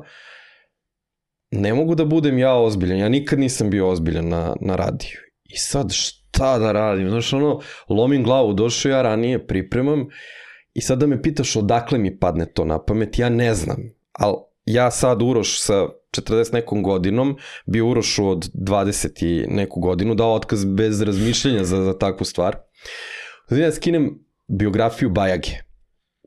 Znači, Momčila Bajagića Bajage, pomenuo sam mu i koncert, i umesto Momčilo Bajagić Bajaga stavi general Zdravko Radišić Radiga i vojni instruktori.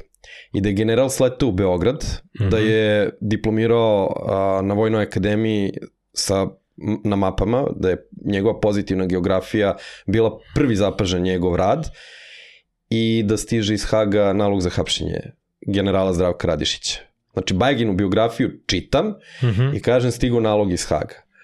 Sunce ti, šta se tu desilo? Tri sata neprekidnih uključenja, ljudi su zvali hteli da dođu da me biju zato što ja otkrivam gde je general. Ja otkrivam Hagu gde je general. I to je... Zove me urednik, kaže ti, ti, ti si lud, ovo je genijalno, ti imaš nagradu indeksa, šta god, ovo je, ovo je spektakularno. Pritom, sam sam se dobro zezao. Dakle, sad kažem ti, da me pitaš odakle mi ta ideja, ne znam odakle mi je došla. Mislim, znam, da, ok, povezivanje u tom trenutku se tražio i Mladić, Da, da, da, da. i Karadžić, i bila je Haški tribunal je bio tema broj 1 u Srbiji. Sad da daš nekog generala koji ne postoji, izmisliš i kažeš moramo da ga isporučimo. Pa zamisli to, da, da, da uradiš u tom trenutku u Srbiji, pa to je pakao. E, to je, to je trajalo, to je bilo spektakularno. I na talasu toga, naredne subote, Jel možeš ti da prenkuješ ponovo u Srbiju? Možeš, naravno. Mm. Potrefi se finale Eurovizije. Dobro. E, to je 2007. bila. Da, sad znam i koja godina. 2007. Marija Šerifović Šerifović. treba da peva u finalu. I mi, znači sad plasiramo, nas dvojica sedimo ko ti ja sada, Bane i ja, zezamo se da je Srbija diskvalifikovana. Zašto? Zato što su Crnogorci iz Srbije glasali sa srpskim brojima za Šerifovićku i diskvalifikovana. Ti si predvideo srpske izbore Znači, 15 godina ranije. Samo što su... čoveče, znači, tu došlo je do toga da su se u dnevniku uoči finala, to je subota, dakle, a finale je bilo u subotu uveče, Mm. u uključenju RTS-u dnevniku iz Helsinkija, Duška i Marija, da kažu da Marija nije diskvalifikovana. To je došlo do, do tog nivoa, gde smo mi imali disclaimeri na početku, ovo je izmišljeno, ovo je plod vaše mašte I na kraju smo imali disclaimer, ne, ljudi se primili, to je otišlo ludački u ilustrovnoj politici, neko je dao intervju kao neko je to malicizno preneo protiv Srbije, ne, to je bila zezancija, ono, par excellence. Ali opet kažem, nije, nije bilo Facebooka, nije se to toliko raširilo, I treće nedelje, taj Grindex je bio takođe spektakularan da smo otkrili da um, u našoj hrani se pojavila dehidrogenizovana so, hlo, natriumova so hlorovodonične kiseline, mi znamo hlorid kuhinska so, da se, da se to pojavilo. Samo smo to plasirali. Ponovo se javljali dva sata spektakularnih uključenja gde ljudi ne mogu da veruju da nas truju. Ja kažem, pa da, to se u svetu koristi za posipanje puteva. I oni nama to stavljaju u hleb, da, naravno. To je bilo, recimo, eto, to, to, to se ne zna, recimo te snimke imam, imam snimke tih emisija, nisam ih nikada okačio, možda ću jednog dana okačiti onako da ljudi mogu da čuju. Pa to trebalo bilo... bi, nešto si već okači, ima gomila toga na, Ma na imam tvom sva kanalu. što sam da, kačio, da, na mom YouTube kanalu, na ovom SoundCloudu. Znaš šta je najveći problem? Najveći problem je što sam lenština za takve stvari. Ja napravim tako nešto, da audiovizualno neku montažu, mm. neku glupost, i ne potpišem. I ljudi to podele i nema. Mislim, na YouTube-u svi su čuli, to je bilo već sad Uroš Bogdanović show, mislim, znam, jer ljudi pričaju, uh, Ciga i Banka, recimo, klip. Da, Na, pa na početku se čuje čovek koji se zalaže za legalizaciju gluposti Uroš Bogdanović. Mislim, to je Da. da. bilo u okviru jutarnjeg šova. I ljudi misle da je to autentičan snimak, da banka zove nekog Dragana, ali to je neko snimio sa indeksa i okačio na net. To nije ni na jednom mom kanalu. Ja sam tek pre dve godine okačio na svoj YouTube, koji je evo ga originalni snimak toga. evo ga. da, ali džabe, ja nemam ništa na mom YouTube-u, to Da. neki, ne znam, neki Zoran ima milion pregleda toga na, na tom mom klipu. Da, pa recimo ono, ja sam puno puta čuo Putin u Beogradu pre nego što sam skapirao da, da si to ti. Uh, Sweet Child of Mine. Slatko dijete Ivar Slatko Fest. dijete. E, Iron Znaš- Fest je imao tri sezone. To je recimo isto nastalo mnogo pre Uroš Bogdanović šova. To je Mhm. dok smo radili Indeksovo pozorište. I to je nastalo 2009. recimo Ivar Fest. Mhm. tu smo kreirali Slavišu Cvetkovića Lepog. Mislim, Slaviša Cvetković Lep je živio od radio ideje i to je jedna imaginarna kreatura, neki narodnjak koji uvek nešto u propasti, uprska. Na- Napravili smo celu kreaturu, mislim, i, i spontano se ima istorijat kako se javio Slaviša Cvetković, ali na indeksu je doživeo svoj vrhunac slave, imao je svoj fan page na Facebooku, neko je napravio Slaviša Cvetković Lepi na Facebooku kad se pojavio i kako i on izgleda, iako je to nepostojeća ličnost. A kako je zapravo nastao Ivar Fest i a, slatko dijete moje? Idem ja na indeks, tad smo indeks promenili iz rock and roll sta, radio stanice u pop rock, desila se ta transformacija da indeks puštao i popularnu trenutnu muziku. Mm. U tom trenutku je Katy Perry Hot and Cold bila pesma broj 1, svetski hit broj 1. I ja u slušalicama slušam radio na kom radim i na indeksu do posla dva puta je išla Katy Perry, što je sasvim okej. Mislim, ako nekog bude zanimalo, objasnit ću i kako se programira muzika, to je jedna ozbiljna tema, ali da, išla je dva puta unutar dva sata taj trenutni hit i ja čujem i fokusiram se na reči. Reku, čoče, ovo je kretenski tekst, ti si hladna, ti si vruća, ti si da, ti si ne, ovo je za Eru Ojdanića. Mislim, jedan kroz jedan Eru Ojdanić bi mogao da otpeva. I dolazim ja na indeks i pevam, menjaš mišljenje ko što devojka menja garderobu, ti si da, ti si ne. Mislim, to je hot and cold. Da, da. Znači, to je ta pesma. I Milan kreće da peva kao Slaviša Cvetković narodnjački, ja nađem matricu i mi snimamo hot and cold. I pustimo mi to u program. Zvani telefon indeksa, šta je ovo, ovo morate da pustite. ponovo, mi pustimo ponovo. Hladno i vruće. Hladno i vruće. Da, i onda, mislim, kad uradiš tako neku glupost, mora da ima nastavak. Ok, šta bismo mogli sledeće nedelje? Ma može šta, imam osjećaj.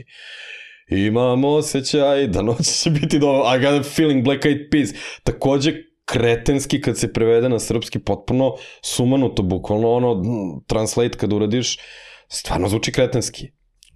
I tako se rodi Iverfest. Iverfest po ugledu na Euroviziju, Mhm. gde su ljudi glasali, jedna od pesama je bila Slatko dijete moje, odnosno Sweet Child of Mine, i napravili smo na radiju Eurovizijsko glasanje da publika odatle, odatle, znaš, ono, 1, 2, 3, 4, 5, 6, 7, 8, 10, 12 poena, a pobednička pesma će dobiti spot. Pazi, pričamo o 2009. i kada su se tek pojavili DSLR-ovi koji mogu da snime nešto Mhm. i mi ćemo da uradimo spot pobedničkoj pesmi Pobedi slatko dijete moje na, na Iverfestu u prvoj sezoni. Iverfest ima tri sezone.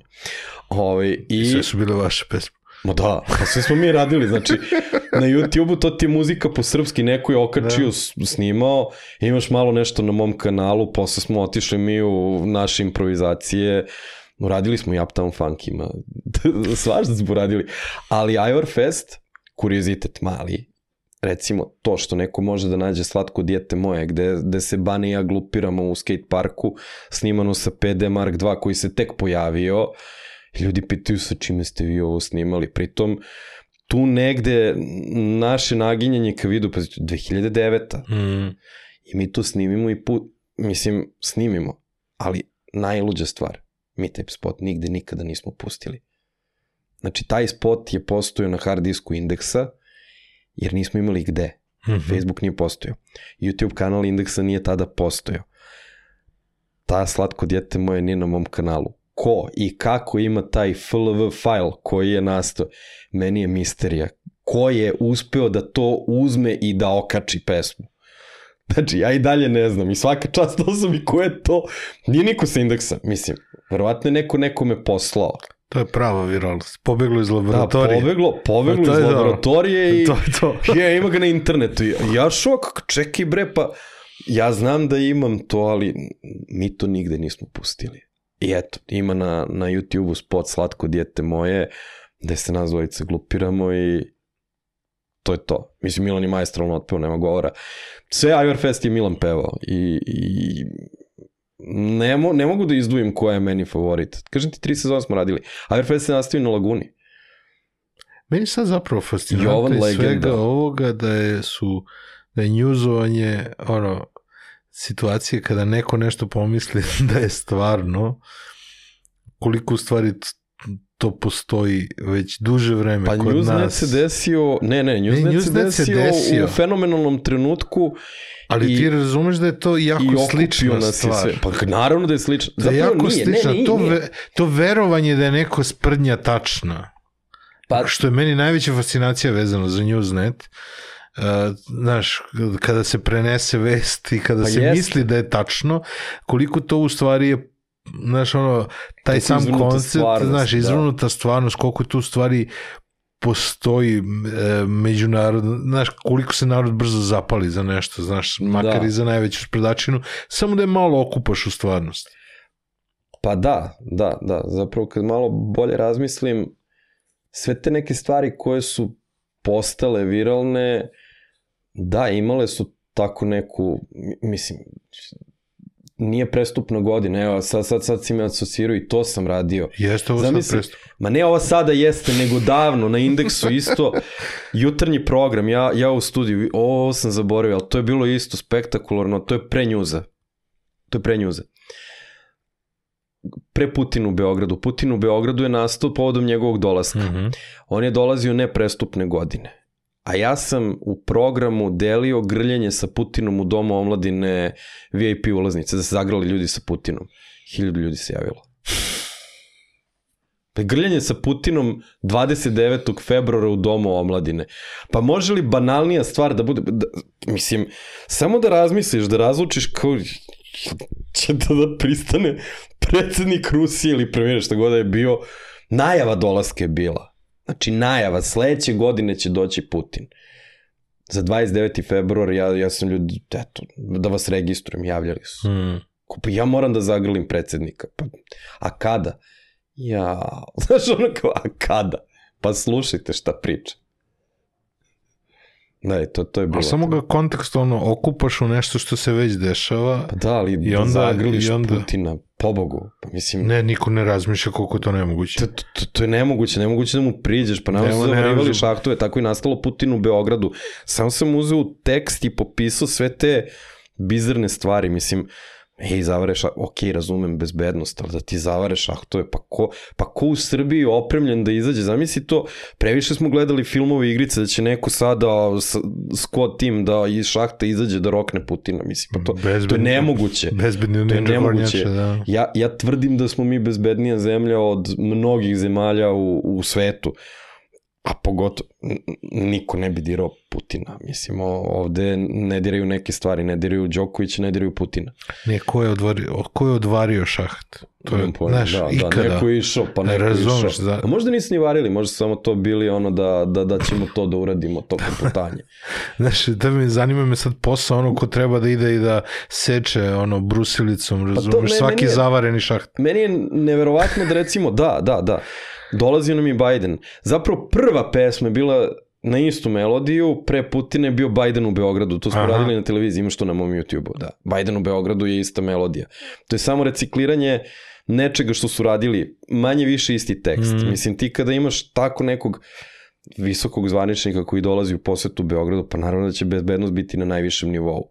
Mislim, glupo je ne očekivati to. Da, da, Mora Biden, bude. Biden je tad bio Biden je bio potpredsednik, Ob- Obamin, jeste, da. jeste, jeste, Biden je bio potpredsednik i on je dolazio i zapravo prva pesma, i lepše zvuči Biden u Beogradu nego Putin u Beogradu kad uzmeš da otpevaš.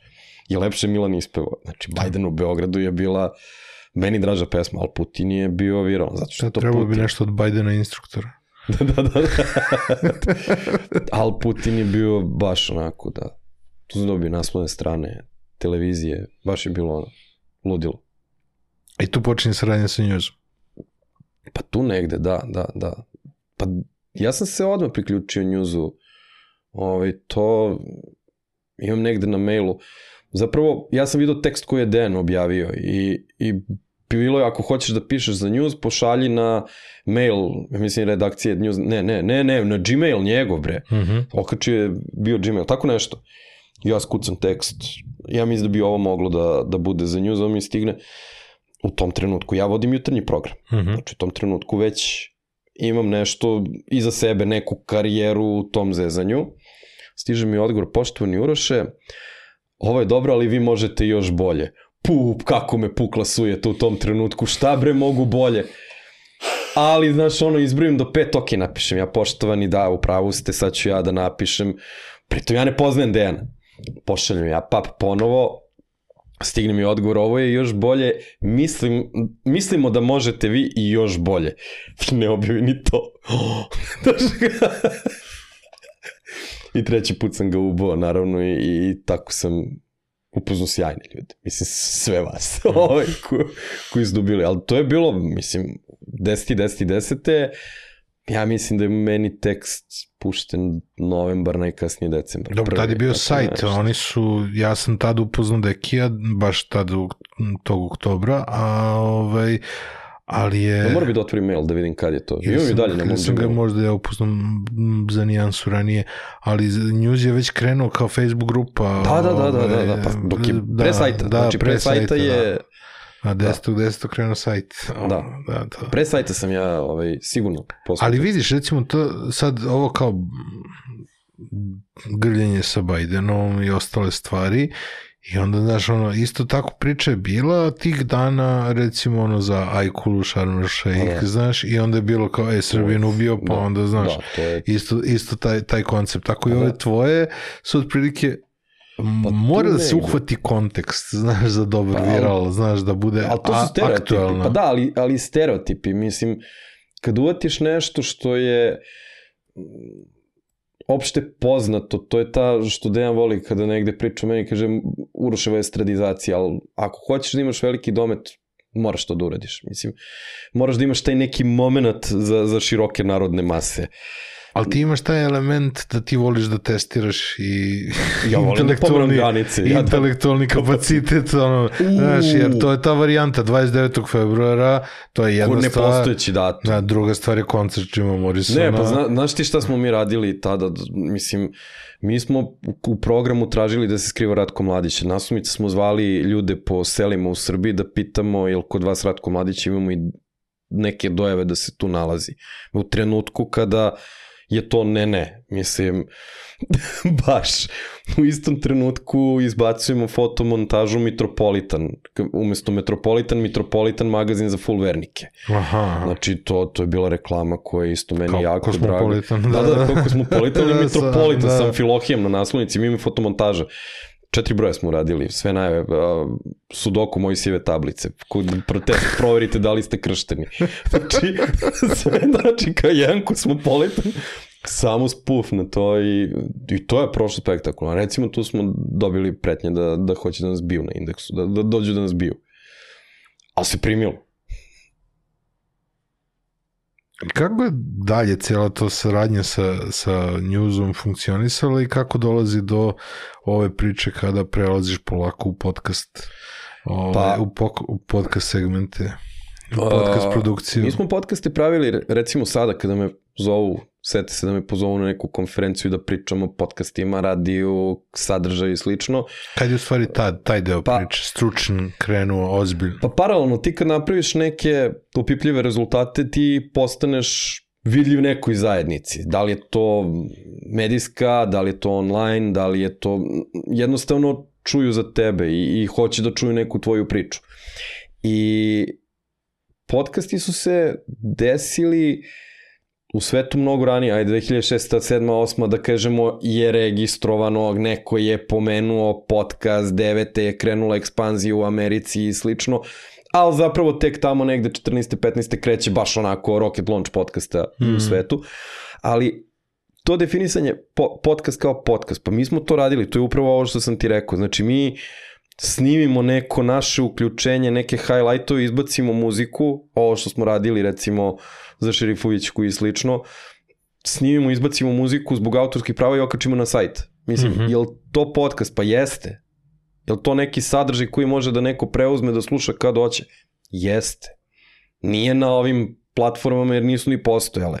Ali to je bio podcast. I onda smo skapirali da, pa čekaj, pa mi možemo i tako nešto da, da radimo. Mislim, Mm. to je transformacija. Da li su podcasti radio 2? Pa jesu i nisu. Mislim, to je kompanjon radija. Da li radijski ljudi umiju da naprave bolji podcast? Verovatno da, u smislu kvaliteta. Ali imaš puno besmislenih podcasta koji rade radijski ljudi samo zato što znaju da naprave možda malo bolji zvuk. Ali sadržajno ne mora da znači. Nije to baš garant da ako si radio na radiju da ćeš napraviti dobar podcast. Kao što nije ni garant ako znaš da povežeš opremu za podcaste da ćeš ti biti dobar podcaster. To, to, to, to ne mora da znači. Tako da taj neki switch se spontano desio. Ja sam rekao, mi smo pravili podcaste i pre nego što su podcasti postojali, samo ih nismo zvali tako radijski ljudi. I onda smo se lako switchovali da kažemo, e sad ćemo da pravimo neke podcaste, pa onda su počeli da me zovu tamo negde u periodu Lagune, dakle 14. 15. van Srbije, jel bi ti nama pomogao malo savjetodavno oko sadržaja za, za podcast koji hoćemo da radimo, da naravno, mislim, nije mi to ništa strano, mm. -hmm. tako da tu negde je krenulo i onda kad ispričaš tu neku svoju priču, ljudima to postane zanimljivo. Nije postojala jasna tranzicija, sad prestajem sa radijom i krećem u, u podcaste. Više me interesuje kad je prestao trenutak baš aktivnog rada radijsko-voditeljskog i prelazak Odlazak na sa Lagune. consulting. Polazak sa Lagune. Ja sam na Laguni vodio Uroš Bogdanović show popodnevni program.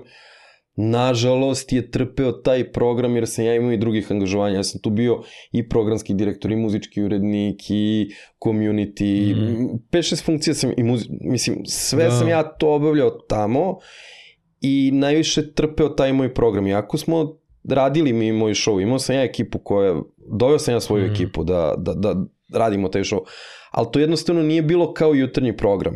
Jesam Mhm. ja imao drive time popodnevni i imao sam highlightova, imao sam virale i bilo je i naslovnih strana i bilo je televizijskog gostovanja koji nisu plaćeni, jednostavno napraviš dobru stvar televiziji, e, jel možemo mi ovo da pustimo? Može, naravno. Uh, to se dešavalo, ali ne, ne u toj meri koliko je bilo na indeksu, zato što jednostavno nisam imao toliko vremena da posvetim svom showu i on, on je tu zapravo najviše trpeo. Mm. Nisu to bili loši rejtinzi, to su bili jako dobri rejtinzi, ali uh, jednostavno vidiš da ne može.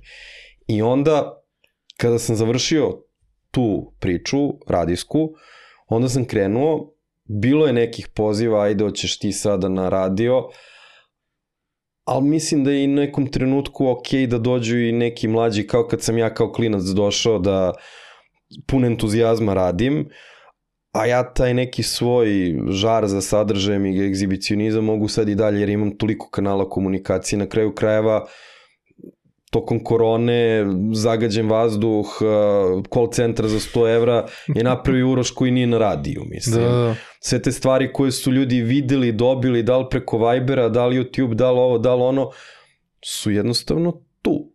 Uh, COVID travel, letujemo ono, štra, štranki diki, Štranki, štrand, da. lido, dizemuno, sve to, to je nastalo u sobi. Mislim, tokom korone. I, I ljudi kao, jo, pa a gde ti sad radiš program? Ne radim ga nigde. Mislim, evo, to, to je to.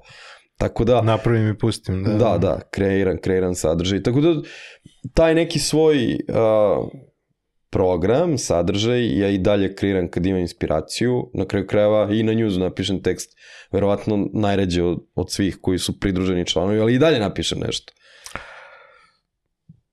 Kako to da nisi bio u fazonu kada je krenuo hype sa podcastima, da uđeš u tu priču i da praviš svoj podcast, nego si prosto ostao na nekoj distanci Behind the scene. behind the scene i onda praktično zajedno sa Dekijem ovaj, posle svog ovog poznanstva kroz news i kroz sve ovo pokrećete praktično naj, najveću i pa mogu da kažem komotno u Srbiji sigurno najveća podcast produkcija U regionu. da u regionu da U regionu. Pod Mislim, medija podcast inkubator je samo po brojkama već, ne znam, možda više nije ni po brojkama ukupno kad mi saberemo sve naše podcaste. za koju godinu će biti Pa mislim, mislim da trenutno smo tu možda čak i jači. Mhm, Mm mhm. Ne znam, ali da, podcast inkubator ima najveće brojke.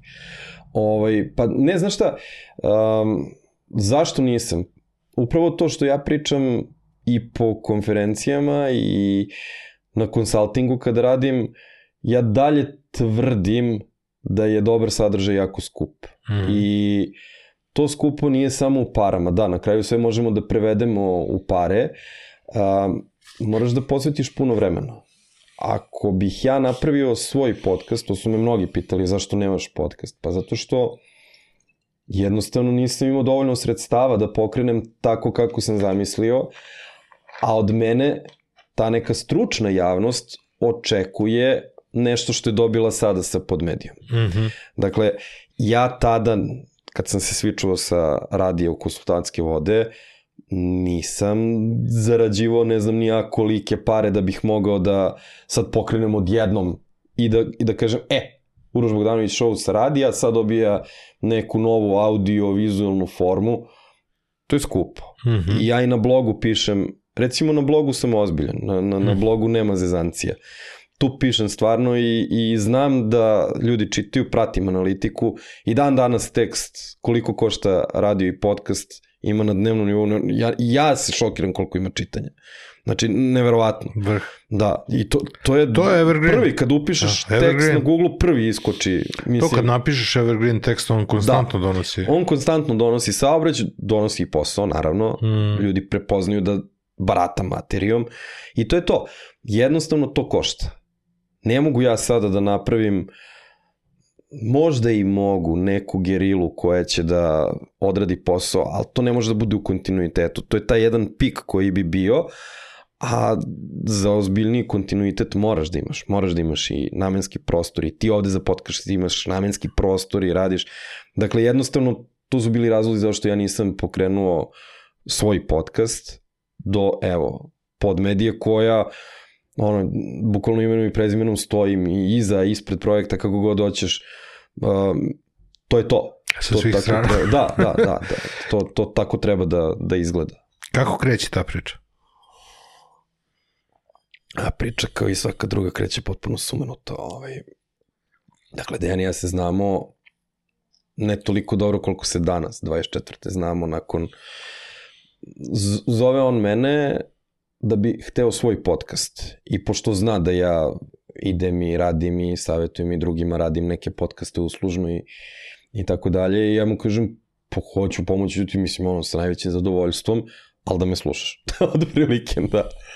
Ove, I tako ulazimo u priču Founder Friendly podcasta, gde on to neko svoje iskustvo koje je imao sa newsom, malo manje, mnogo više sa content insightsom, sad Smart Octon, priča kroz taj podcast Founder Friendly koji i izgleda i zvuči i, i, i dobar je, mislim. Mm. I sadrž, na prvom mestu sadržaj je odličan, na drugom mestu ton je odličan i na trećem mestu slika je odlična. Svi kriterijumi za jedan dobar podcast su ispunjeni i mi to puštamo i kroz snimanje se izezamo i pričamo.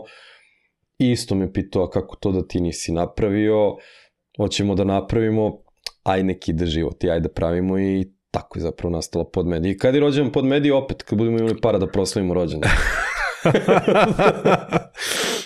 Bio je uveliko. Čak. Dva i po su prvi podcast, ili tako? Pa nisu, prvi je... Pa dobro, a prvi je founder friendly, da, ali ja to više računam kao nulti, pošto je Deki, ono... Da, da, da. Ovaj- To bi, piše by Podmedije, izvini. Da, molim da, te, da, da, dobro, founder friendly, Founder friendly je prvi podcast Podmedije. Onda se dešava, mi smo dugo snimali mnoge podcaste. Dva i po psihijatra je najbrže pušten. Ekipa, kako je nastao dva i po psihijatra?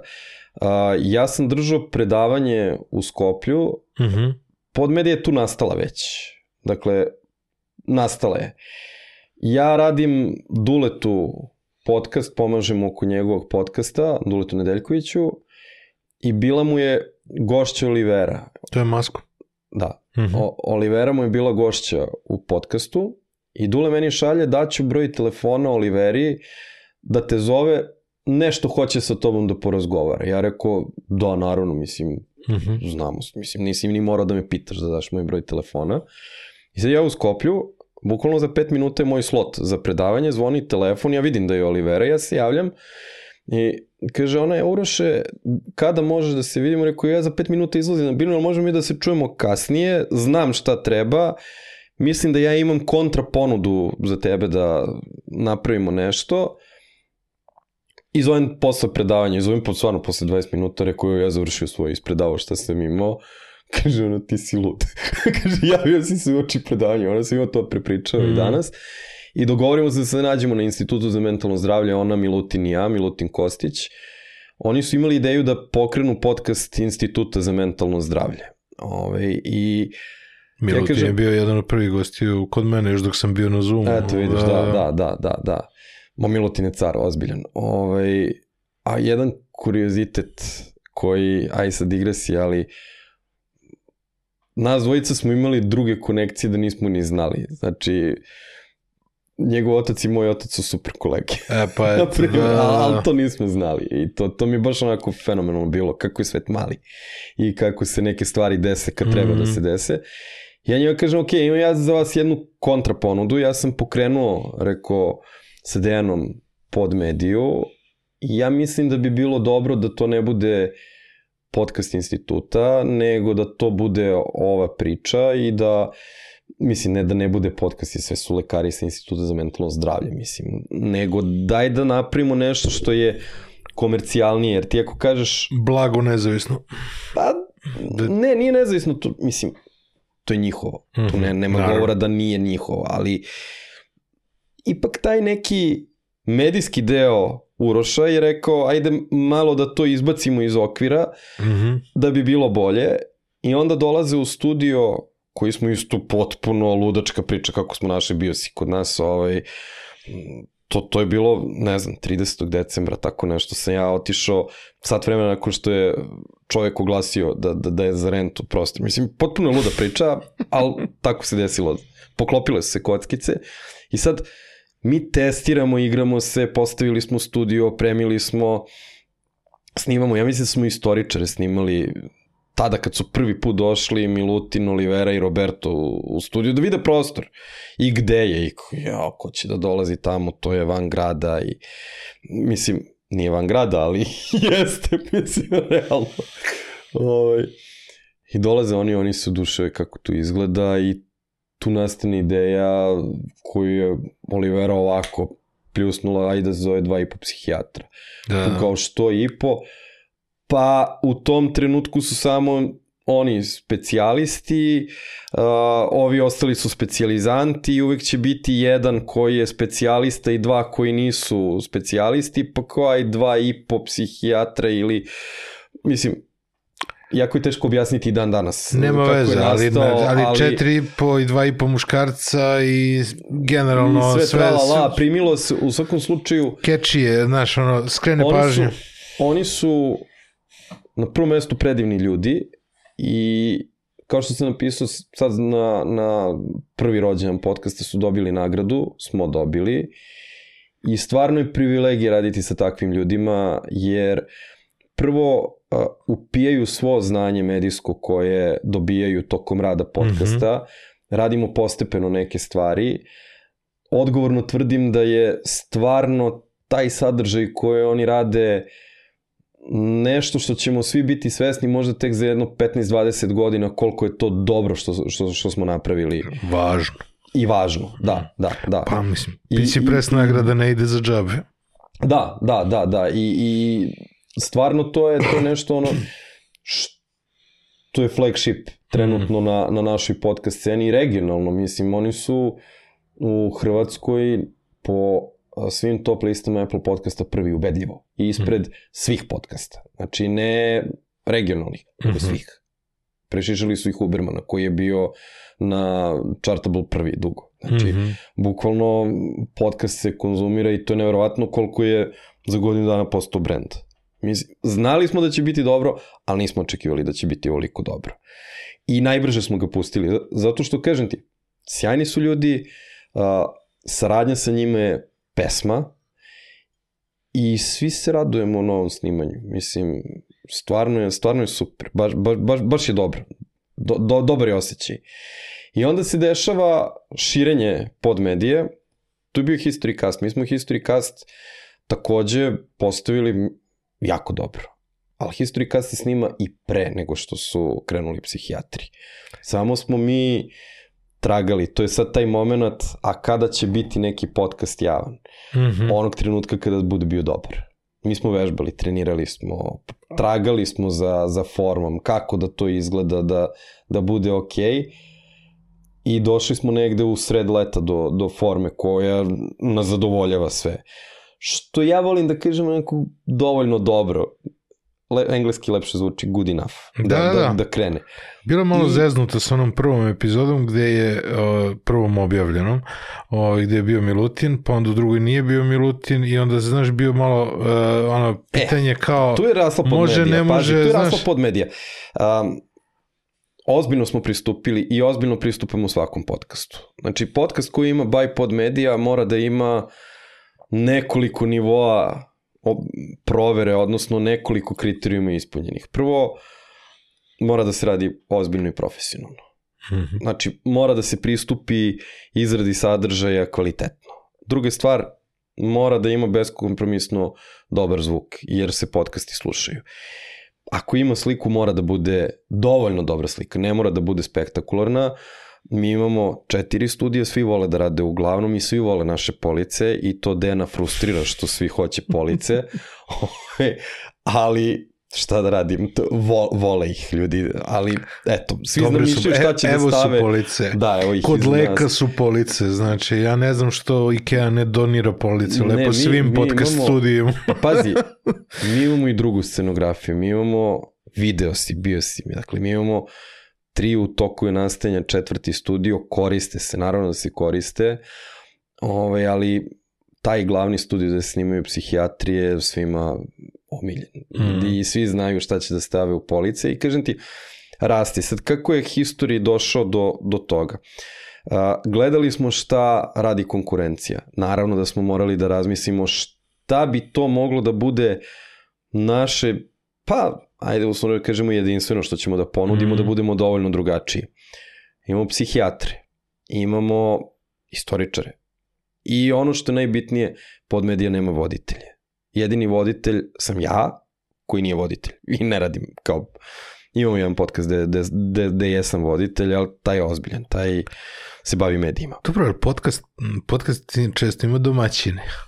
To je... Pa ima domaćine, ja sebe ne, ne, volim može. da Ne, predstavljam ne, ne. kao voditelja, jer Pa ja dobro, ti si nisam... domaćin. Znaš, Pa, e, meni nekako zavisi. ono, jako, je mnogo lepše da u podcastu bude domaćin nego voditelj. Pa dobro, to je emotivnije zvuči, ali de facto si voditelj, mislim.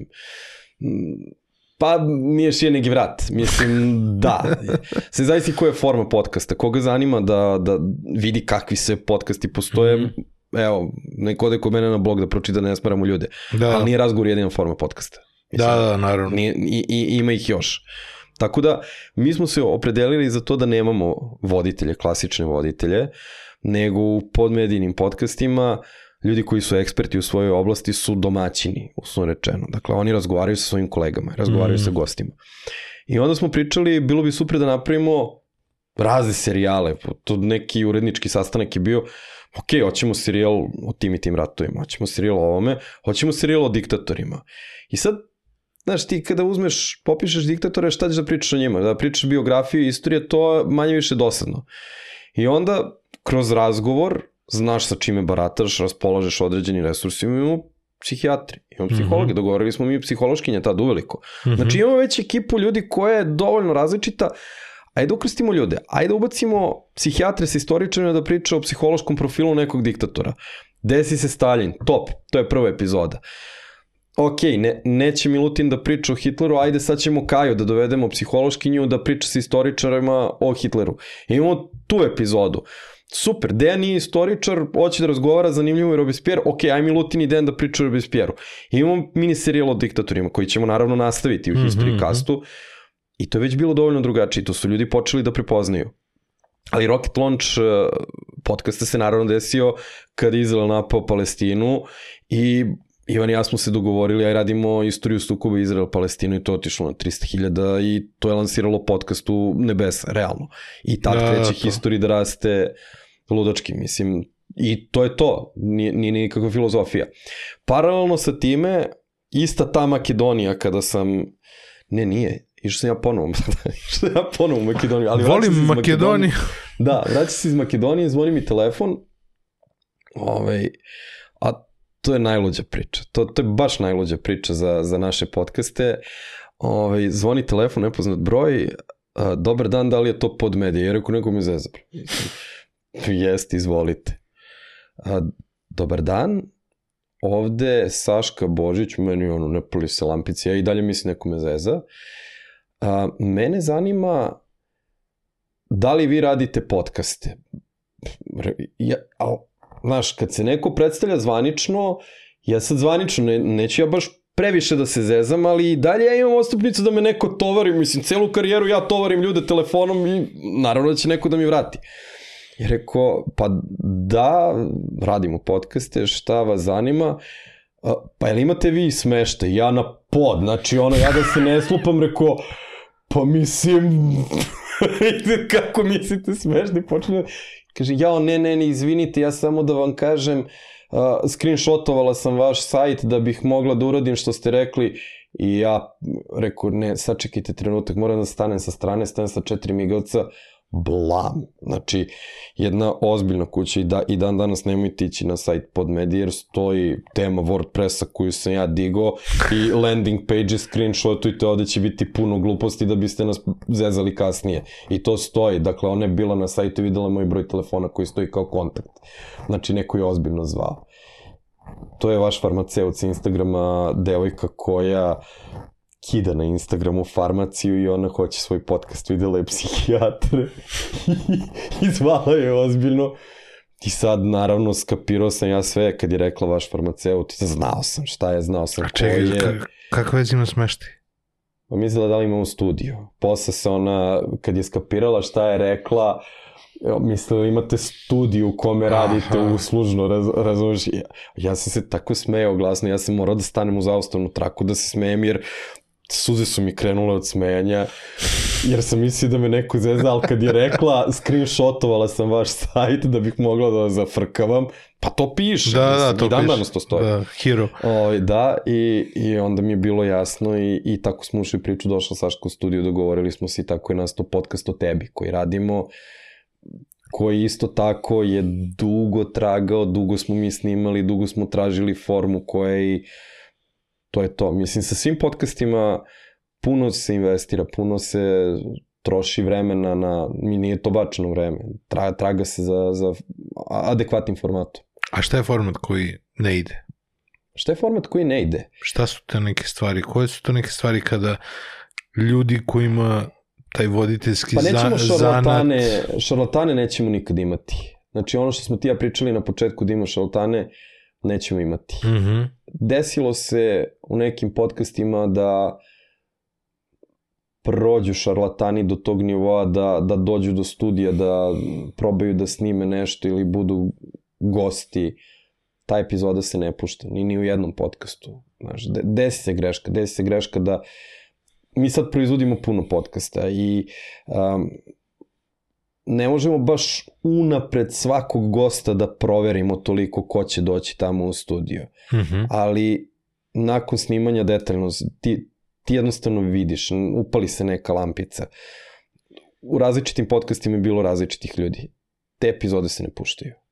Mm -hmm. A bilo je i oni koji su došli, koji se pretvaraju da su stvarno eksperti, da hoće da rade podcaste, zapravo su šalatani. Ti podcasti se nisu desili, niti će se desiti. Mm -hmm. Neće se desiti kockarnice u podmediji, ni kao sponzori, ni kao ovaj, neki podcasti o, o kockanju. To se neće desiti, mislim, neće se desiti kriminal, sigurno, Mm -hmm. u smislu promocije kriminala, možda krimi priče iz ugla zakona kao što su neke ono crime story, možda će se to desiti u podmediji, zapravo bismo voleli da imamo Da, tako neki podcast. True Detective. Da, da, da, da, da. Ali, evo recimo ono što će se desiti jako brzo su ribolovci. Mm -hmm. Eto, to, to je nešto što imamo snimljeno puno epizoda već, spektakularne su. Imamo šampiona koji je Čekaj, čekaj, čekaj, šampion čekaj, u, čekaj. u, u, Kako to onda? šampion u lovu na šarana Aha. je domaćin i on priča sa ribolovcima, pričaju se najnevrovatnije ribolovačke priče. Biće spektakularno. Dobro, možda njega ne mogu da foliraju. Ako je Pa. on već šampion. Da, da, da, da, da, da. On- Ne, onda je- on, je on- naš on je merilo- takmičar, on je merilo- da ide na takmičenje. on je merilo da li laže ili ne laže. Da, da, on znaš, to ono. može da prepozna. on to može, da. Pa pazi, vrhunac mog ribolova je Nintendo Wii da zabacim iz fotelje i da igram igricu Fishing Master. To je vrhunac mog ribolova. Ja ništa više od toga. Ne. Čak ni ono u detinstvu nešto. Pa u detinjstvu malo, ali to se ne računa, mislim. Što se ne računa? Kad me vodio tata, pa šta, pa zabacio sam sa njim tri puta štapu pa i to je to. A, pa dobro. Ne, ali, ali ovo, ovo mnogo, mnogo je zabavno. Recimo, eto, to, to je nešto novo što će biti u podmediji, što se snima. Im, ima još 4-5 Mhm. podcasta koji su snimljeni, koji isto čekaju svoj launch date. Desit će se jako brzo, ali evo, ovo će se prvo Dobro, desiti. naveli smo, znači, naveli smo dva i po psihijatra, naveli smo History Cast, Naveli smo podcast o tebi, podcast Sašku, o tebi, naveli, imamo nismo pričali- jesmo. psihološkinje, Rekao sam da je Kaja bila ih. Tu. a nisi pomenuo filmoholik. Da, tu su nam filmski kritičari, Zoran i Đorđe, koji se bave filmom, imaju mnogo dobre Mhm. goste. Utorak će biti tu ste epizoda trefili- sa Kičićem, Aha, bio je Kičić, bio je dobra epizoda sa njim. A u dobrom trenutku ste imali epizodu sa Husom, ili tako? Da, da, da, Hus je bio dan u oči nedelje ili Dan dan u- na dan premijere, To, to, recimo, to, to, sa to. Husom je epizoda bila isto. Da, da, to je bilo Ima, super da, kao super, trenutak. super Baš mi je bilo da. onako, nekako mi je bio dobar trenutak da, da se dobije njegov ugao. Gledaj, da ti kažem je? nešto, e, podcast, radio, televizija, zavisi samo od kreatora sadržaja koji će domet imati i kvalitet. A, Pričao sam sa njih dvojicom, mm Mhm. -hmm. i Dejan je isto pričao i govorili smo im, bukvalno od vas zavisi koga ćete vi dovesti. Znači, postoje izgovori i postoji preskakanje prepreka. Ja to kažem svim mojim učenicima koji hoće da rade na radiju i, i objašnjam im da sam ja uvek išao linije manjeg otpora tokom svoje te neke medijske karijere ne bi ništa napravio. Mhm. Ali kad uložiš taj neki dodatni trud, desi, desit će se da ne možeš nešto da uradiš. Ali bukvalno ako zamisliš da ćeš dovesti Zuckerberga, na ovaj ili onaj način ćeš ga dovesti. Nije nemoguće. Apsolutno u medijima ništa nije nemoguće. Samo je pitanje koliko ćeš ti energije i truda uložiti u to. To, to stojim iza toga. Mhm. Tako da, u datom trenutku Huso je bio pun pogodak. I Naravno. bio je sjajan. I super bilo i na snimanju i Meni je bilo prelepo ono, zato što, kažem, kad sam posle toga otišao da odgledam film, nekako mi je bilo Da. dobro, zato što sam imao i njegov ugao. kakav ti je film? A? Pa ja volim sve domaće filmove generalno, Aha. da, da i čisto u smislu opšte informisanosti želim to. da ih pogledam. Znaš, Da. veliki problem i Džeja, i, odnosno Nedelje i Tome, što si ih porede međusobno, zapravo su No, potpuno različiti. suprotno film. I, ovaj, ali, znaš, dva pevača pa jednako da. Ja poređenje, nisam znaš. gledao, da. Tako da, pa da, to, to smo pričali na početku, Ovi- ali generalno mi je okej film. O, tako da, nije, nisu uporedivi. Možda Nisu, moglo nisu, za nijansu nisu, više pesama, za one koji malo taj deo, Tako je. dževe priče više vole, mnogo je više nekako ta neka stara autobiogra, neka biografska priča dževa Da. ovaj, ubačena i tog nekog, mislim da je Dorčul tih 70-ih Jeste. dobro, ovaj, dobro oslikan. Tako da, ali mi je, da ali, ali je mnogo, ali je mnogo drugačije, mnogo je drugačije kada imaš uh, Kad imaš taj neki kad imaš ugao. Husin ugao Pa jest, i odgledaš film. Znaš, Da, da, da. nekako mi je baš bilo dobro ovaj, to u paketu. Uh, Pa pa je- je, ima to je još nešto dobro. da nismo od pomenuli? podcasta, pa evo pokušam da prebrojim. Da, zato što, to, to je šta, manje više to. Puno, ne, ne, puno, puno ih snimamo. Ove, I ja znam šta će se desiti, neću sad da pričam jer ne mogu da ti kažem kad će da ovaj, budu pušteni. Mhm. Fišozofija će biti puštena, tako Da, će se da. zvati podcast i to, to je nešto što će jako brzo imati svoj launch. I ima još četiri koje se snimaju, koji će biti pušteni, ali je mala ekipa ljudi koji rade i ne mogu da ga pustim dok ne budem znao da Kapiram. ćemo imati redovnost. Eto, to je... Kako se obezbeđuje redovnost? Baš mi je to i bilo sledeće pitanje. Kako ukoliko se zadesi tako izbacivanje nečega nije bilo dovoljno Pa, uh, pazi dobrih ovako, da. informacija i svega Ne, pa, toga? pa, pazi sad jednu stvar. Uh, podcast možeš da radiš kao hobi i da se zezaš i da to bude super. Mislim, i da ne razmišljaš o tome kada ćeš, šta ćeš, nego kad se desi. Dobro. Internet to toleriše. Ali ako gradiš publiku, ako želiš da radiš nešto profesionalno, moraš da imaš neku redovnost. Kakvu god. Znači, Da. to je jedan ozbiljan medijski posao. Ako pričamo o ovome što radi pod medija, znači, postoje podcasti koji funkcionišu sasvim ok, autori su zadovoljni, nemaju aspiracije, jednostavno im je da se vide sa svojim drugarima, da se ispričaju, da naprave nešto, sasvim ok, legitimno. Mm -hmm. I to je to, to je ono što sam rekao i za umetnost. Lepote da postoji sve, sasvim je ok. Ja sad pričam iz nekog profesionalnog aspekta, gde mi želimo da napravimo posao koji će svima da donese novac i to je biznis, kao i mediji. Znači, da bi biznis bio biznis, mora da ima redovnost. Kako se obezbeđuje sadržaj? Pa obezbeđuje se tako što uložiš vreme. Ako je manji tim, taj neko ko radi mora mnogo više vremena da posveti tome, da bi bio deo pod medije, mora tako. Znači, da bi bio deo te naše priče, mora da se radi ozbiljno. I mora da ima i usponi padove. Mislim, nije to sad sve onako divno, protkano svilom i, i ne, i naravno da ima i teških trenutaka, da ima i kao i svaki medij nekih uredničkih momenta koji nisu prijatni ni po urednika, ni po proizvođača, ali jednostavno to tako mora da funkcioniše da bi izlaz bio dobar. Mislim, da, jako koliko, malo potrebno, ima... koliko potrebno buffera napraviti da ti možeš da absorbuješ zavisi, zavisi. da Evo, absorbuješ ti, te stvari. Nije nikako tajna. Uh, za dva i po psihijatra u svakom trenutku ja imam tri epizode u šteku. Uh -huh, uh -huh. I znam da ti kažem šta će biti sledeće. Mislim, dobro, to... dobro, kažem, ovaj, a, znači to je recimo za dva i po psihijatra, ali znači to je recimo neki... Za History Cast imam četiri. Znači, 3 do 4 epizode buffera su dovoljno da ukoliko uleti nešto što ti se ne dopadne... Za filozofiju o... ću imati 8. Mm -hmm. Eto, mislim, to je to. Z individualno je. Ne, ne, ne, nema pravila. Jer još uvek je... Zašto, Podcast pitam te zato što si bio dosta... tebe, jel? Pitao sam te zato što si dosta onako, znaš, e, izuzetno profesionalno i znam da ste dosta, da ste neke epizode u nekim trenucima izbacili iz, iz, Jesmo, iz pa da, emitovanja. Znam da znaš, da. Ovaj, I zato mi je bila ta, ta neka varijanta, ok, ali koliko onda napraviš buffera da ne moraš da, da budeš u frci? Zavisi od podcasta do podcasta, opet ti kažem, mislim, ako gradiš publiku, ta publika čeka. Mi sada za History Cast i za dva i po psihijatra koji imaju ozbiljnu publiku, jedan i drugi podcast, imamo ljude koji čekaju premijeru epizode. Znači, to je već sad jedna ozbiljna stvar gde ti znaš da imaš teret na leđima koji moraš da izneseš. Mm. Ti ako ne objaviš epizodu, ti si razočarao ozbiljnu količinu ljudi. A to u medijima nije nikako dobro. Da. To, to je luksuz koji redko ko može sebi da dozvoli. To mogu mas mediji koji jednostavno imaju oglašivače šta god da urade.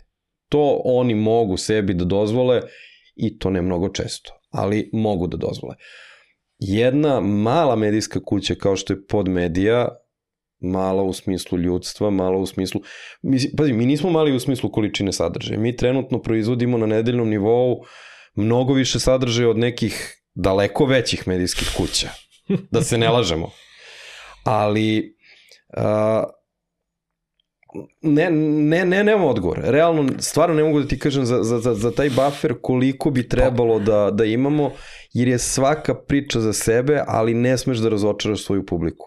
Ne smeš da ih razočaraš. Mhm. Ne smeš da im daš loš sadržaj. Ali opet sam zagovornik te priče, bolje je nemati epizodu, nego pustiti lošu. Što si i video dok si sa nama nešto radio, da su neke povučene. To je to. Znači, nećemo pustiti ako nije bar dovoljno dobra. I trudimo se uvek za sve podcaste koliko je moguće za neke da budeš aktualan, da budemo aktualni. Mislim, kad je bio nalet ovaj, za vakcinisanje protiv sezonskog gripa, da imamo derma priče, bre, čoveče, znam da sam neš, dermatologiju, sjajan mm. -hmm. podcast o dermatološkim stanjima, a, doktorke Milena i Nevena fenomenalno pričaju, imaju sad čak i goste, podcast je izvanredan, ima svoju publiku koja je, mislim, ne mogu da kažem da su pacijenti. Svako ima pre ili kasnije neki problem sa kožom, da li sa kosom. Mhm. Da, podcast daje jednu zaokruženu priču i to su super epizode. Znači super epizode, um, 20 do 30 minuta optimalno za mene lično. Podcast koji je za svaku preporuku. Još uvek on nije iskočio, jer svaki podcast ima neku epizodu koja će ga podići i koja će ga lansirati. To je neko nepisano pravilo. Recimo, Derma priča još nije imao tu epizodu, Mhm. Ali ima tendenciju kontinuiranog rasta što je sjajno i što meni govori da će to isto biti u rangu sa svim ostalim podmedijnim podcastima. Da, to je dobro kada su u određenoj niši, kada su u određenoj oblasti, onda on sa tom nekom epizodom koja eksplodira privuče takvu publiku, ali ta publika zna da može da gleda da. Takav, takav dalje. Znaš, Pa da. u, u podcastima gde I- imaš ovako razgovor sa ljudima, ne znači da će jedan gost koji ima ono ogromnu popularnost Pa dovesti, ovaj, dovesti saobraćaj, svaki donese nešto publike i nešto te publike ostane. Da, ali luksus koji mi imamo i koji koristimo kao stvarno, evo, mislim, sad kad uzmem da razmišljam, da, mi jesmo medijska kuća, pod medija jeste medijska kuća i tu nema govora. Dakle, a, mi imamo tu mogućnost da mešamo ljude. Mhm. Dakle, Nevena je gostovala kod Saške i Jovane u podcastu. Fenomenalno. Da, ona je gostovala, zapravo tako je, kako je došlo do derma priče. Znači, Nevena je gostovala kod njih dve, pričala je o svojoj struci, dakle priča o dermatologiji. I ja sam negde sebi ubeležio da ću Saški da tražim Nevenin kontakt da razmišljamo o podcastu koji je dermatologija, jer Nevena sjajno priča. Mhm. Znači na tom snimanju ti jednostavno vidiš, to je sad neko skautovanje, kako ti tražiš ljude. Mhm. I opet sam ja išao na neko, da, ni nije bilo predavanje, išao sam konsultantski van Beograda i Saška mi šalje poruku, pitala je Nevena da li može da joj Saška da broj telefona pod medija ima neku ideju. Ja kažem Saški, ali ja sam tebe hteo, ti mene zezaš, ja sam tebe hteo da pitam da mi daš Nevenin kontakt da ja pričam sa njom da imamo dermatološki podcast, kaže nemoj da me zezaš, rekao najozbiljnije. Imate istu ideju. Da, da, da, da. I rekao, da joj naravno, i zove mene Nevena, ja rekao, ja sam tebe hteo da zovem, kaže da, da rekla mi je Saška da, da bi trebalo podcast. Rekao, kad počinjemo da radimo? Eto, bukvalno je tako dogovoreno derma priče. I Koliko je vremena od takvog poziva do, do emitovanja prve epizode? Pa to je sve individualno, recimo najkraće pa da, najkraće su derma priče bile. Od tog poziva do, do prve epizode maksimalno dve nedelje. Wow. Nasnimali smo epizoda, ti ne možeš da veruješ koliko su njih dve profesionalne. Uh -huh. Znači epizoda, derma priča. Skoro nikakvu montažu nema. Skoro nikakvu. Bukvalno. Rekord, rekord, I to je to. Apsolutno, skoro nikakvu montažu njihove epizode nemaju. Mm -hmm. Najmanje vremena pripreme se dođu, snime i, i to je to. Mm -hmm. E sad kako se to snima i, i koje su tajne majstora, ne moram baš sve da otkrivam, ali, ali da, mislim, eto, ta, taj podcast je najbrže od, od inicijalnog razgovora da, da, da bi bilo super da radimo do lansiranja podcasta definitivno je tu najmanje vremena prošlo. I sjajni podcast. Šta sve podcasteri mogu da nauče od profesionalnih voditelja? Zašto profesionalni voditelji počnu neke podcaste pa ti pre, podcasti prestanu, ne dobiju neki efekt koji su možda očekivali i u kom pravcu vidiš da to sve ide unapred? U, koliko pitanja čoveče. Sad, sad si mi razneo. Ove, Želim da ne, ne, nečim zaokružimo onako ne, pa, priču a, sa nekim a ne, konkret... ali super je pitanje, generalno je super. Zato što, ovaj, ajde da raščanimo, opet pričamo o profesionalnom, ovo što ja kažem, zašto neki ne izdrže na naprave, pa zato što nemaju strpljenja. A možda i to što rade nije nešto što bi publici htelo. Zašto kod nas neki mediji propadaju. Pa možda njihova ponuda nije po meri publike. Svi igramo tržišnu utakmicu. Apsolutno svi. Mm -hmm. Mislim, Borimo se ja, za pažnju. Ja sad gostujem kod konkurencije. Drage konkurencije. Ali mm. Podcast publika je podcast publika. Unutar te podcast publike ima ljudi kojima će se svideti tvoj podcast, ima ljudi kojima će se svideti moj podcast Dakle, svi mi delimo jedan isti kolač koji bi trebalo da bude sve veći i veći i, da, mm -hmm. i svi mhm. treba da radimo na edukaciji ljudi da konzumiraju to što mi pravimo, koji radimo profesionalno. Dakle, treba da budemo zdrava, lojalna konkurencija. Ne kao Zvezda i Partizan u košarci idu tužakaju se Evroligije, a ovi su ovo zasrali. Ne. Nego mi treba zajedno da edukujemo i oglašivače, da treba da daju više pare, jer je ovo neki kanal komunikacije koji je došao i rešio da ostane i ostaće. Dakle, uh, ima izraz koji se baš koristi u medijima, ovaj, jer ja radim da? gomilu medijskih izveštaja za najveću medijsku organizaciju na svetu. Oni imaju nešto što je kombinacija, znači konkurencija competition. Jeste. Ko, saradnje, kooperac, Ko, cooperation. Da. Oni imaju competition. Da, pa jeste. I onda je to je. varijanta da i sarađuješ i istovremeno deliš neki kolač. Jest, jeste. Jer dakle... ja, recimo, ima jako mnogo podcasta za koje ja i dan danas a, prvi put čujem i onda odem i vidim ima 60 epizoda. Da. Znaš, i onda potpuno Dobro, neverovatno. To su drugi problemi kako ali sam otkrivaju. totalno ovde u fazonu, ok, možda je neko, možda je neko tek krenuo da gleda moj podcast, pa će čuti tebe, pa kao čovječ ima history cast, ili možda sam rivolovac, Ima. znaš, ili e, možda ali... ono kao, hoću nešto pročitam o koži, o, da poslušam o koži. To je trenutno na to svetskom nivou, da, to je trenutno na svetskom nivou o čemu se puno priča na, na stručnim konferencijama po Evropi koje posećujem što kao govornik, što kao delegat, puno se priča o tome, to je otkrivanje podcasta. Trenutno je YouTube najbolja platforma, jer YouTube ima ono kao preporuke koje ne funkcioniše najbolje za podcaste, ali to je jedino trenutno što imamo. I najbolje otkrivanje je baš to. ja sad dođem kod tebe, pa je neko čuo da u toj nekoj mojoj kući postoje neki dva i po psihijatra, postoji history cast, postoji o tebi, derma Mm. priče, postoje mnogi podcasti koje mi radimo i A ova je tvoja ove- epizoda će biti servirana svima koji su te gledali u Pojačalu ili ona epizoda kod Da, jer će Blaže pisati ili tako je. jer će biti ta, Da, jer će biti moje ime i prezime, Mm. da. Ali nema nekog drugog otkrivanja. Ako ti se sviđa istorijski podcast, pa ti sad imaš još plejadu. Ja sam zagovornik jedne priče da u profesionalnom kontekstu mora neki red da se uvede.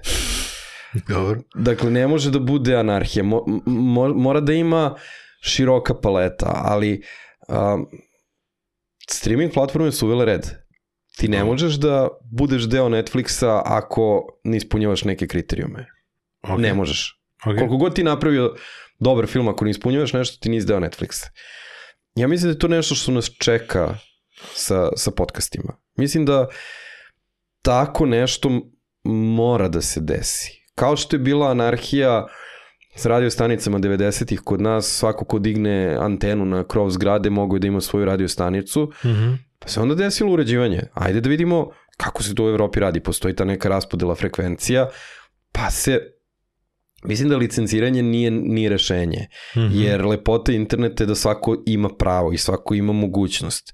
Mislim da neki hibrid toga bi trebalo da postoji. A, kao što postoji neka underground scena u muzici iz koje neko iskoči, mislim da bi isto tako trebalo da postoji neka underground scena podcasta i da postoje mainstream podcasti. Ali razlikuju se. Trenutno je ponuda takva da postoje sigurno podcasti koji imaju jako dobar potencijal, ali nemaju dobru produkciju.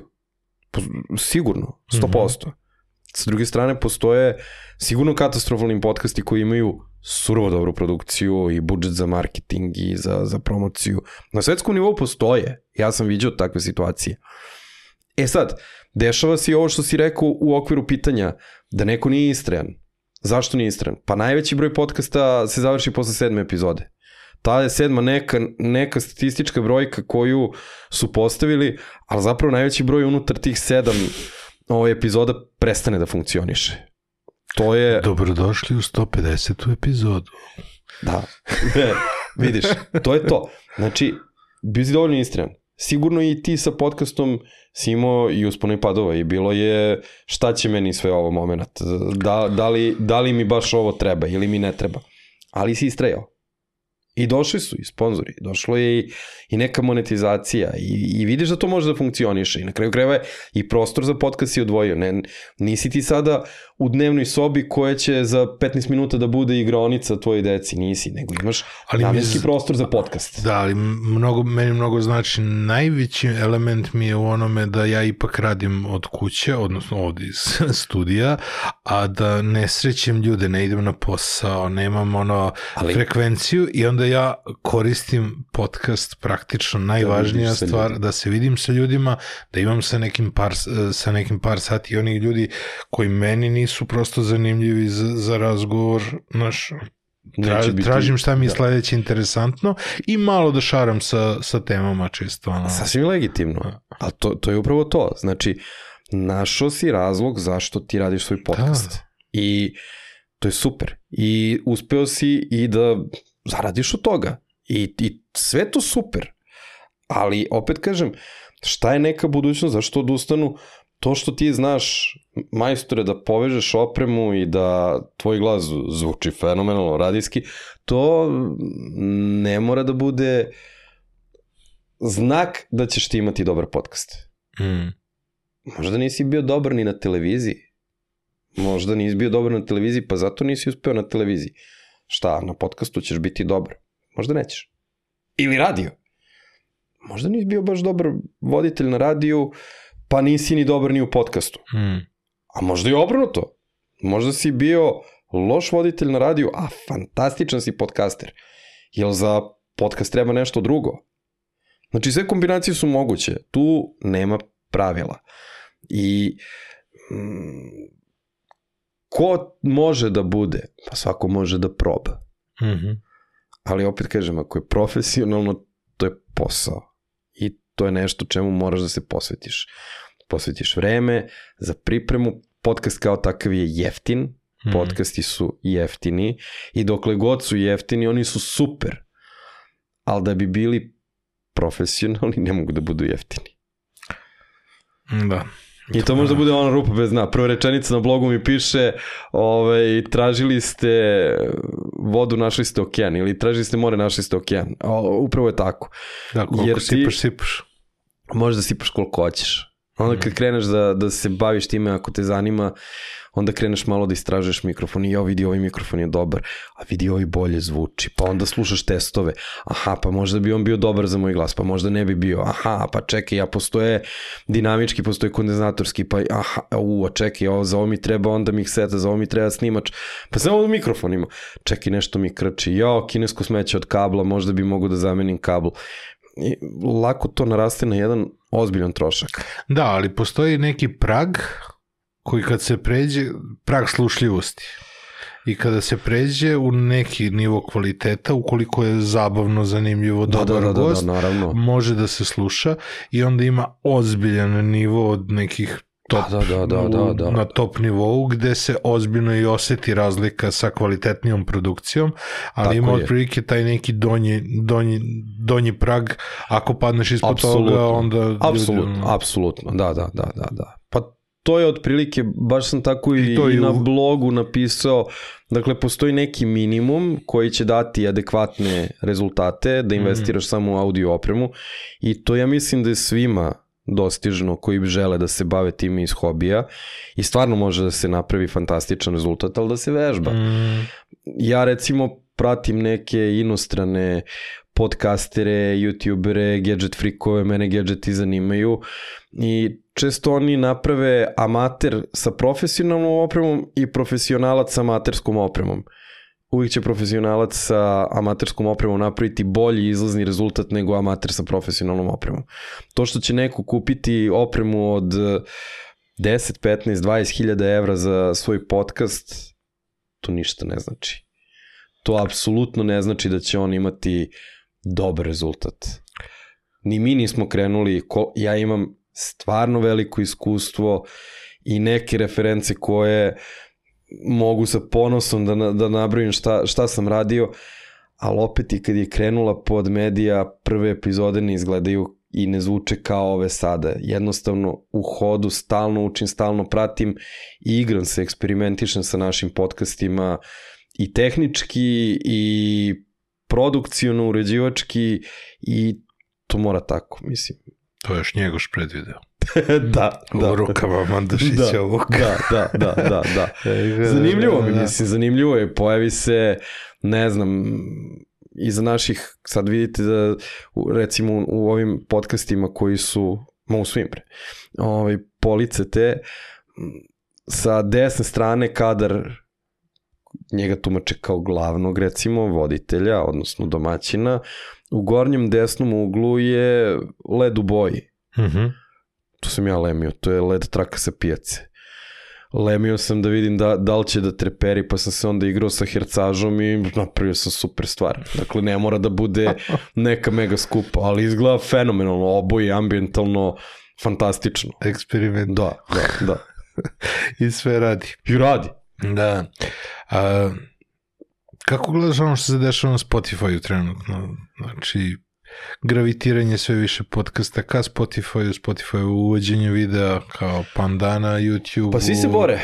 Svi se bore. Pazi, Spotify te ulači, traži da budeš njihov ekskluzivac. Mislim ti sad i kad pogledaš analitiku Spotify-a, ako si Spotify ekskluziv imaš detaljnu analitiku, ako nisi imaš da ne kažem šta. Ove, meni je to potpuno normalno.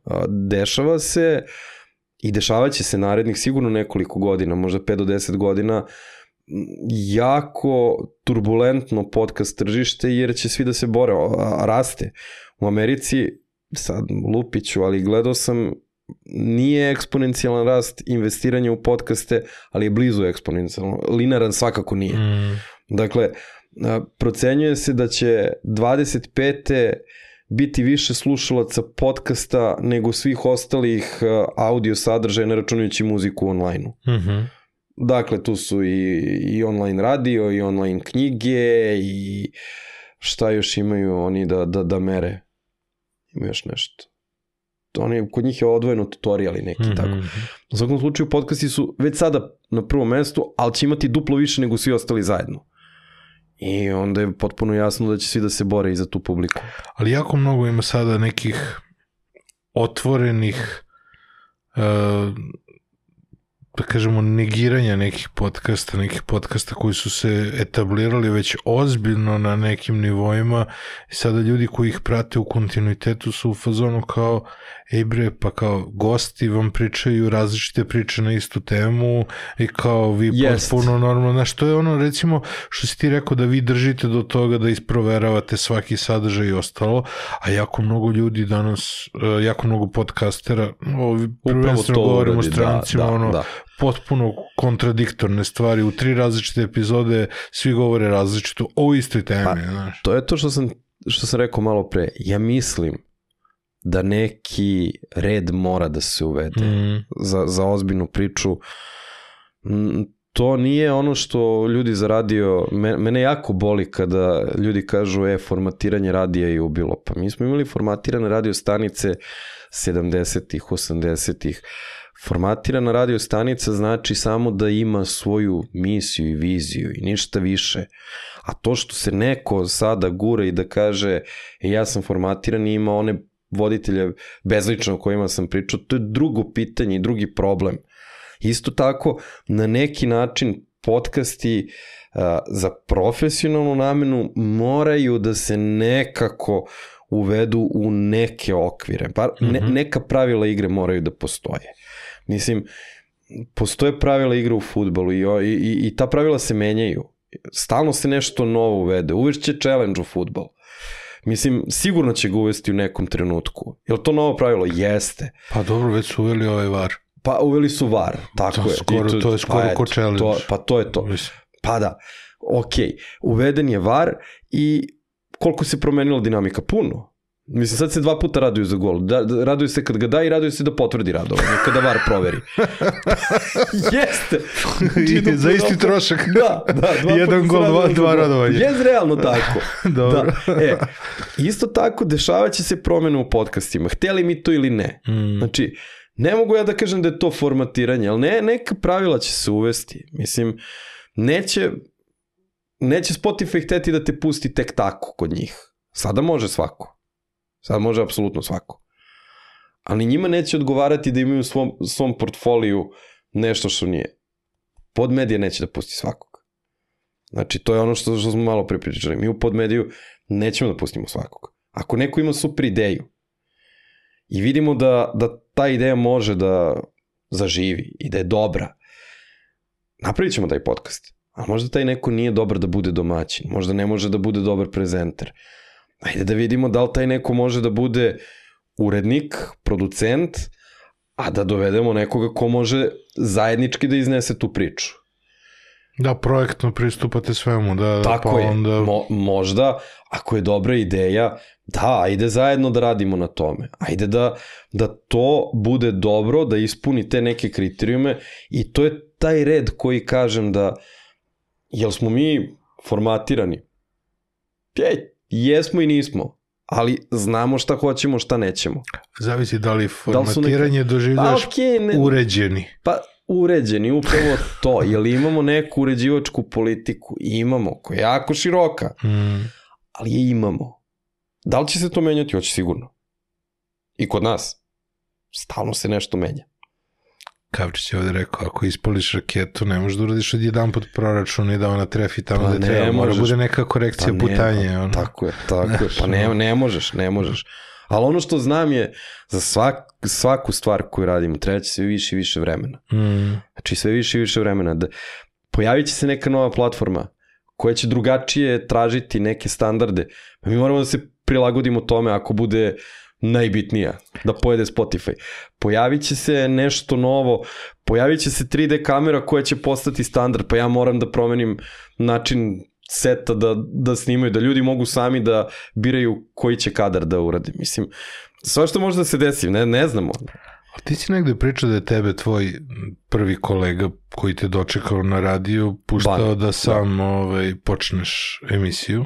Da, to, to, to sam kod Bureka Moj- ispričao, da. Moj tehnički urednik je posle dva meseca mog rada na dve stranice u novinama samo jednog dana rekao ja idem na godišnji odmor. Pa da, Sledeće, dva, sledeće dve novine ti treba da praviš od početka do kraja. pa da. Ja sam ih pravio i posle kad se vrati rekao ti možeš ovo sam da radiš. to je to. Pa Znaš. ja tako bacam klincu u vatru danas. Je li ima klinaca danas? Ima, ima, ima, ima. Ja uopšte nisam mračan po tom pitanju. Ima samo drugi problem sa klincima. Sa klincima je problem što hoće odmah i sad sve. Instant A, generacija. Da, instant generacija. On sada, ili ona, nebitno, bi da bude instant zvezda. Ne može. Ti možeš da imaš pik. Apsolutno možeš da imaš pik. Ali taj pik će i da padne. Znači, ja volim da to ima jedan onako ubrzan rast, ali da je taj rast kontinuiran. I zato je taj proces, konkretno za radijske voditelje, kad radim sa mladima, ja im kažem, ne, ne, ne možeš odmah napraviti velike rejtinge, to je jednostavno proces. Evo, trenutno u Crnoj Gori radim sa jednom jako perspektivnom voditeljkom koja je sve bolja i bolja, ali i ona bi isto htela da bude mm, odmah slušanije, da ima smenu, ali nekako tu smo pre svega ekipa radija, menadžmenta i ja koji sam tu onaj gargamel koji dođe i kaže ovo ne može ovako, um, da usporimo to Mhm. jer mora da, da postoji neki put.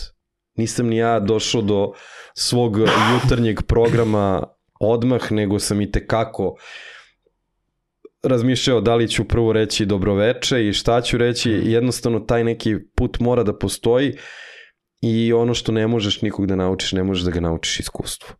Iskustvo mora da se stekne i podcaster mora da zna i da će mu biti i upropašten ton, ako ima sliku da će neki put imati upropaštenu sliku, šta se smeješ? Svako mora to da prođe, sve se to iskustveno uči i a, ja mogu da pričam 100 godina i mogu da napišem 100 blog objava, dok se to tebi ne desi, to ne znaš šta je. Mislim, to je to i, i, i na uvodu što sam rekao, ja sam gledao MMA borbe, gledao sam šta rade kolege, ali dok ja nisam stao sa mikrofonom u kavez, to je bilo potpuno druga, druga priča. I to je jednostavno tako. Samo što ja volim da nekad to, to bude ono gradi ga na otvorenom, razumeš? Znači da bude varijanta ono kao ok, jeste, pravim greške, ali očekujem i feedback i izvolite iskomentarišite, pa neke stvari ću da u, u, ono, uvažim. Nije na kraju ni svaki sadržaj za svaku publiku, neko i, znaš, i možeš gomilu sadržaja, znači neprekidan izvor sadržaja naravno. internet, ovaj, tako da ono, nekad je varijanta i show must go on. A u, ne Znaš, nekada, uvek je, Znaš, uvek je. treba iskustva, Ne, ne, treba uvek je. vremena, treba Tako gomila je. epizoda. Neće svaka biti za to učiš u svakoga, znaš, ono, učiš u hodu. Ja nemam ta ograničenja nivoa nekog profesionalizma i svega toga da nešto mora da bude po standardima, zato što nisam medijska kuća, nisam medijska produkcija To. kao vi. Ali, znaš, ovaj, imam utisak da da ljudi ponekad možda postave suviše, uh, suviše visoke standarde perfekcionizma i da onda često odustanu zbog toga pre nego što dođu To do tog legitimno. iskustva. To, pazi, to je, to je vrlo legitiman problem koji često viđam. Znači, postaviš sebi zalogaj. A, mali medij, bio sam pre godinu i po dana u okviru Thomson fondacije trener za radio i podcaste. Oj, trebalo je da mi bude zapravo, dodeljen mi je bio Newsnet, da ja newsu budem za podcast.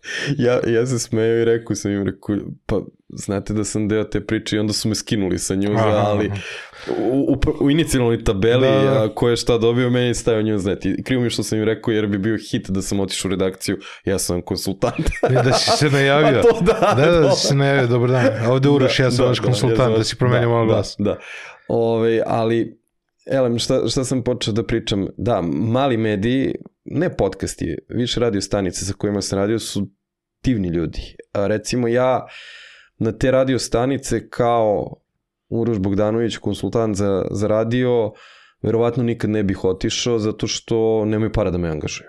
Mislim, to su radio stanice koje su dobile neki budžet za neki komad opreme ili neki projekat koji su aplicirali u okviru toga su dobili i neke medijske eksperte koji će im pomoći da to uradi. Tako sam ja dobio nekoliko radiostanica iz regiona, mm -hmm. dakle Makedonija, Crna Gora, um, Kosovo, Bosna i Hercegovina i to je i Srbija, da, naravno.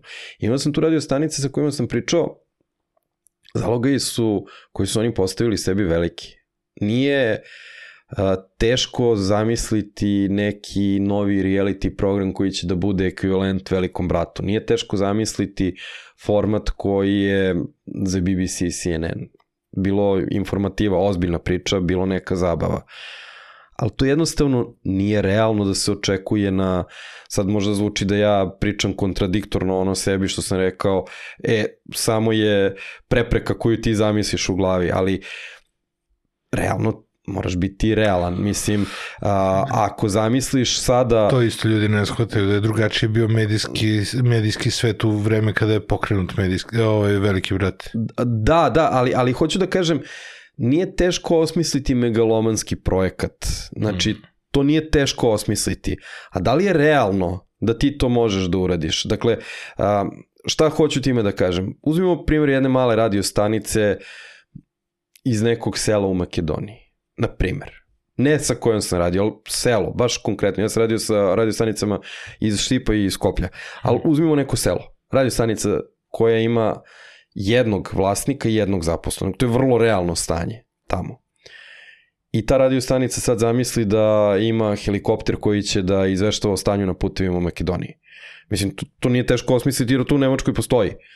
RTL ima svoj helikopter koji izveštava sa autobanova perfektno, voditelj u helikopteru i to je realnost. Mm -hmm. Dakle, ne moraš da smisliš, samo da preneseš i da apliciraš za taj projekat. I da dobiješ, ne znam, 200-300 hiljada evra na, na račun. Je realno da ćeš ti to raditi? Nije.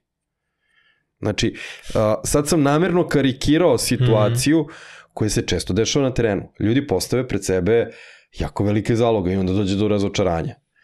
Hajde da postavljamo to što si rekao, gradimo na otvorenom, ajde da budemo malo bolji, ajde malo da analiziramo šta smo uradili. Jako bitna stvar za podcastere, a pošto smo se nekako fokusirali na podcaste, da odslušaju ili pogledaju to što su radili uradite to. Greške koje ćete vi čuti ili videti, ćete možda samo vi videti, ali u sledećoj epizodi to nećete napraviti. Poštapalice se najbolje ukidaju onog trenutka kada čuješ da ih praviš. Ti nisi svestan poštapalica dok ih ne čuješ da ih praviš. Naravno. Ali kada ih čuješ, znaš kakvu kontrolu imaš u sledećem nastupu neverovatno. A mnogi koji ih imaju iz epizode u epizodu, šta meni govori? Da nisu preslušali ni jednu svoju epizodu. Naravno. Dakle... S tim što ja dosta imam poštapalica koje se odnose na to da ja razmišljam na otvorenom istu. To je u redu. I, i onda imam poštapalice koje često koristim kada razgovaram sa prijateljima ovako u svakodnevnom govoru. Znaš, ali to je drugo. Ali ja ih vidim, ja da, znam da postoje... papir sa pripremom, sa ti si konceptom, potroši. da, nije, nije baš da sam pripremio svaku reč koju ću izgovoriti, znaš. Ni, niti mi rekao čemu Naravno. ćemo pričati, ali, mislim... Tako da, ali postoji neka priprema i ti ćeš i dok budeš montirao ovu epizodu razmišljati o tome šta smo pričali, da li bi možda nešto mogo da izbaciš, da li u onim neobaveznim razgovorima možda ima nešto što ćeš ubaciti, mislim znam ne, da si samo snimao, to nego, ja često ali... zapišem iz razgovora šta ću pitati gosta sledeći put kad dođe. Eto vidiš, da, znaš, da, da, da, imam da, i to, kao možda, možda ponovo kao ovde nisam pričamo, dovoljno da. elaborirao ovo, znaš, ko to može bude tema pa, za da, posebnu pa, da, emisiju da, pa, i ostalo, jer često su mi recimo prve epizode, epizode gde više predstavljam gosta nekoj novoj publici, onda drugi put kad dođe gost mogu samo o jednoj temi da pričam, e, jer mi je gost recimo ono već predstavljen. Znaš, da ti kažem nešto. Ovaj, neke brojke, odnosno neke istraživanja koje imam, i baš smo letos u Parizu pričali na tu temu o, o podcastima, je da i ako već imaš epizodu sa nekim gostom, uopšte ne mora da znači da će u sledećem kad ga dovedeš ljudi otići da odslušaju, odnosno pogledaju prethodnu epizodu. Potpuno je nova populacija Oni hardcore fanovi hoće. Meni je ali- dovoljno da kažem imate prethodnu epizodu E, sa to, tim to, to, gostom. to. Tako I da, znaš, ono, kao, tu smo već ako, pričali, ako tako je. nismo, ako, znaš, ako već ulećem sa gostom s neba pa u rebro, odmah pričamo ne, oko Da. neko teme, a postoji nešto već, ili recimo, znaš, meni nije interes da ja dovedem tebe ovde i da pričam o istim stvarima koji si ispričao kod Ivana Minića u Ali ne pojačalu. možeš ni sve da, da preslušaš, ok, ti si preslušao to. Ja znam, i, ali da. meni, je, meni je interes, znači govorili smo o onome, onim ljudima koji će, zato što su tebe gledali na pojačalu, doći ovde. Mini će napravio super razgovor sa tobom, ok, eh, sa određenom vremenskom odstupnicom i svemu tome. Da, da, Znači bilo je to. jednostavno, kogod želi tebe da posluša, gotovo ono, u jednocifrenim procentima su stvari ovde izrečene koje su tamo rečene. Pa da, dosta je drugačije. Tako da, da, da, meni je da, to jeste interes. Meni je, da. znaš, ako dođe gost ovde, ja sam to recimo često viđao e, na već na velikom broju podcasta koji mi se ne dopadaju. To je gost koji gostuje ono serijski na I nekoliko podcasta i priča jedno te isto. Pa što Da. te slušam na trećem mestu ako ćeš da pričaš jedno te isto? tu opet dolazimo do pripreme domaćina, odnosno voditelja. Odnosno ako je profesionalni voditelj njegovog producenta. Ne, mislim, nebitno sad, to je priprema. To je, ti si, Često, Odslušao šta često, sam ja često, kod gost, Ivana. često gost vergla jedno te isto, to je broj jedan. pa dobro, ima, ima i ljudi koji ne mogu da pričaju ništa drugo osim jedne priče. Ima Da, takvih. A broj dva je često gost posle tebe ode na druga mesta pa priča jedno te isto i onda se smoriš što je priča to jedno te isto jer je to već priča oko tebe pa će... Al, al sad se Zavisi kojim redosledom da, dođe publika, ali otišli smo u... Al, da, ali, ali to nije ni samo do, do gosta. Mislim, to ti je to, kad ideš po konferencijama da držiš predavanje i sad znaš, organizuješ si konferencije, imaš predavače koji imaju jednu ili dve prezentacije koju vrte jedno te isto i samo malo modifikuje. Imaš one koji pripremaju i, i uvijek su drugačiji i rado viđeni. Da. Mislim, to je jednostavno tako, ali sutra ako me neko bude zvao u neki drugi podcast i, i bude me pitao šta si radio u, u Crnoj Gori s Uptown Funk, pa neće dobiti drugu priču, dobit će istu ovu priču, mislim. Da, i, i Bora Čorba, Realno. i Bora Čorba. I, i Bor, da, mislim, 84, realno, da, da, da, dobit će istu, Dobro, to, je, jer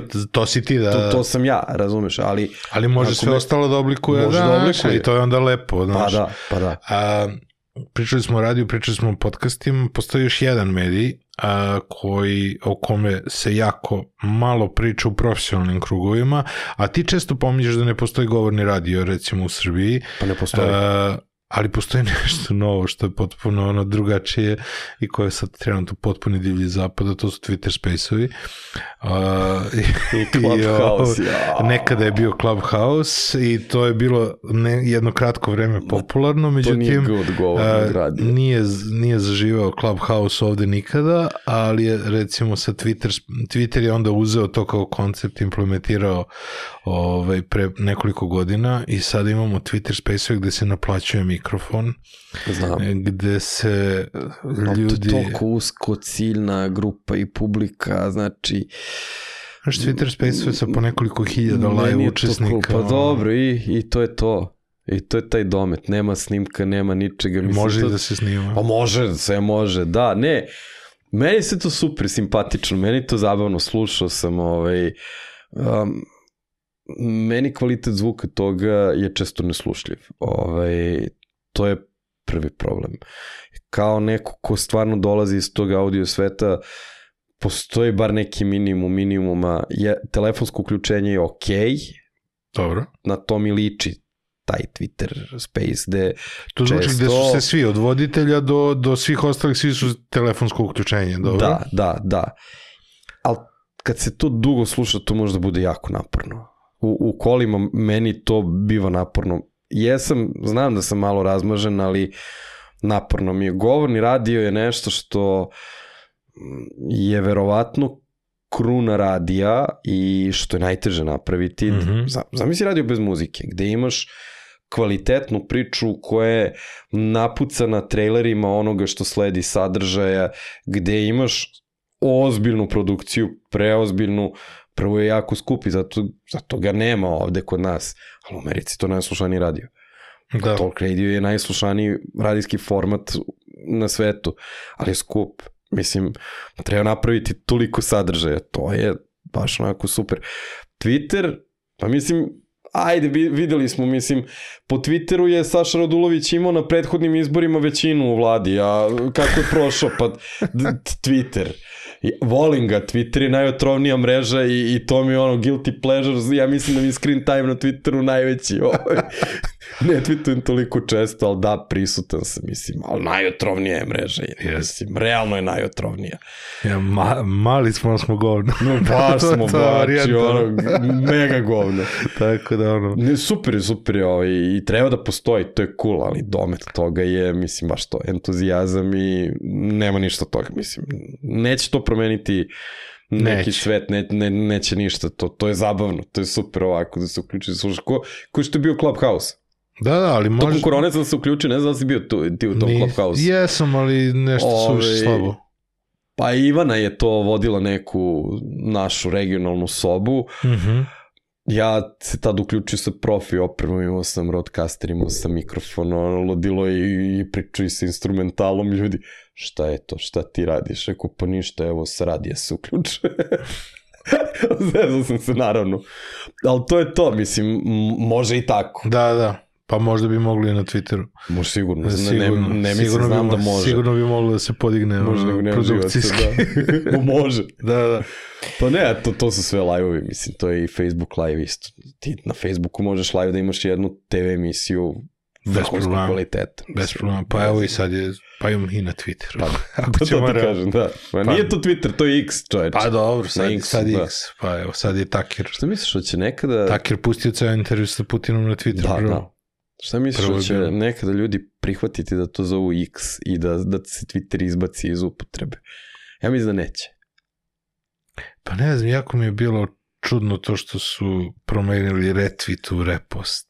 Znaš, to je sad bio ono, to je baš bio onako jedan od poslednjih uh, eksera u kovčeg, znaš, ono, kada su taj uh, RT please, znaš, bar da su smislili nešto što je RT, znaš. Da, da, da. Ta logika retvita je meni bila Ma ono meni prava to cool, stvar. ovaj, ne znam, recimo najviše to volim. Najviše me ima na Twitteru, i, to jest na X-u, i najviše se zezam i super mi je što ne može baš uvijek da se vidi šta fejvuješ, ne iskoči kao Da, da, da. fejvo, to, to mi je super, ali kad vidim ono kao, i dalje vidiš da je neko fejvovo. Od tvojih. da, od tvojih i onda je hit. da, tako da, mislim, ono, zab, to je zabavno, ali ne veze sa medijima. Hvala ti puno. Hvala tebi na pozivu, bilo je super. A vama hvala što ste gledali ovu 150. Epizo 150. epizodu podcasta Još podcast 1. Hvala vam što ste ovde, ostavite nam neki share, like, subscribe, preporučite nas prijateljima, pogledajte podcaste u produkciji pod medije, uh, Hvala našim sponsorima Beans Cafe s kojim sam razgovarao sa Urošem, hvala Skandinavijan dizajn centru, njihovim stolicama smo sedeli i hvala mojim prijateljima iz Grooming Mastersa, oni su mi poslali jednu super opremu za brijanje, zbog njih sijam u svakoj epizodi, pogledajte njihovu ponudu, imaju sjajne proizvode za negu kose i brade. To bi bilo to, slušamo se i gledamo sledećeg četvrtka. Ćao, čao, bye bye.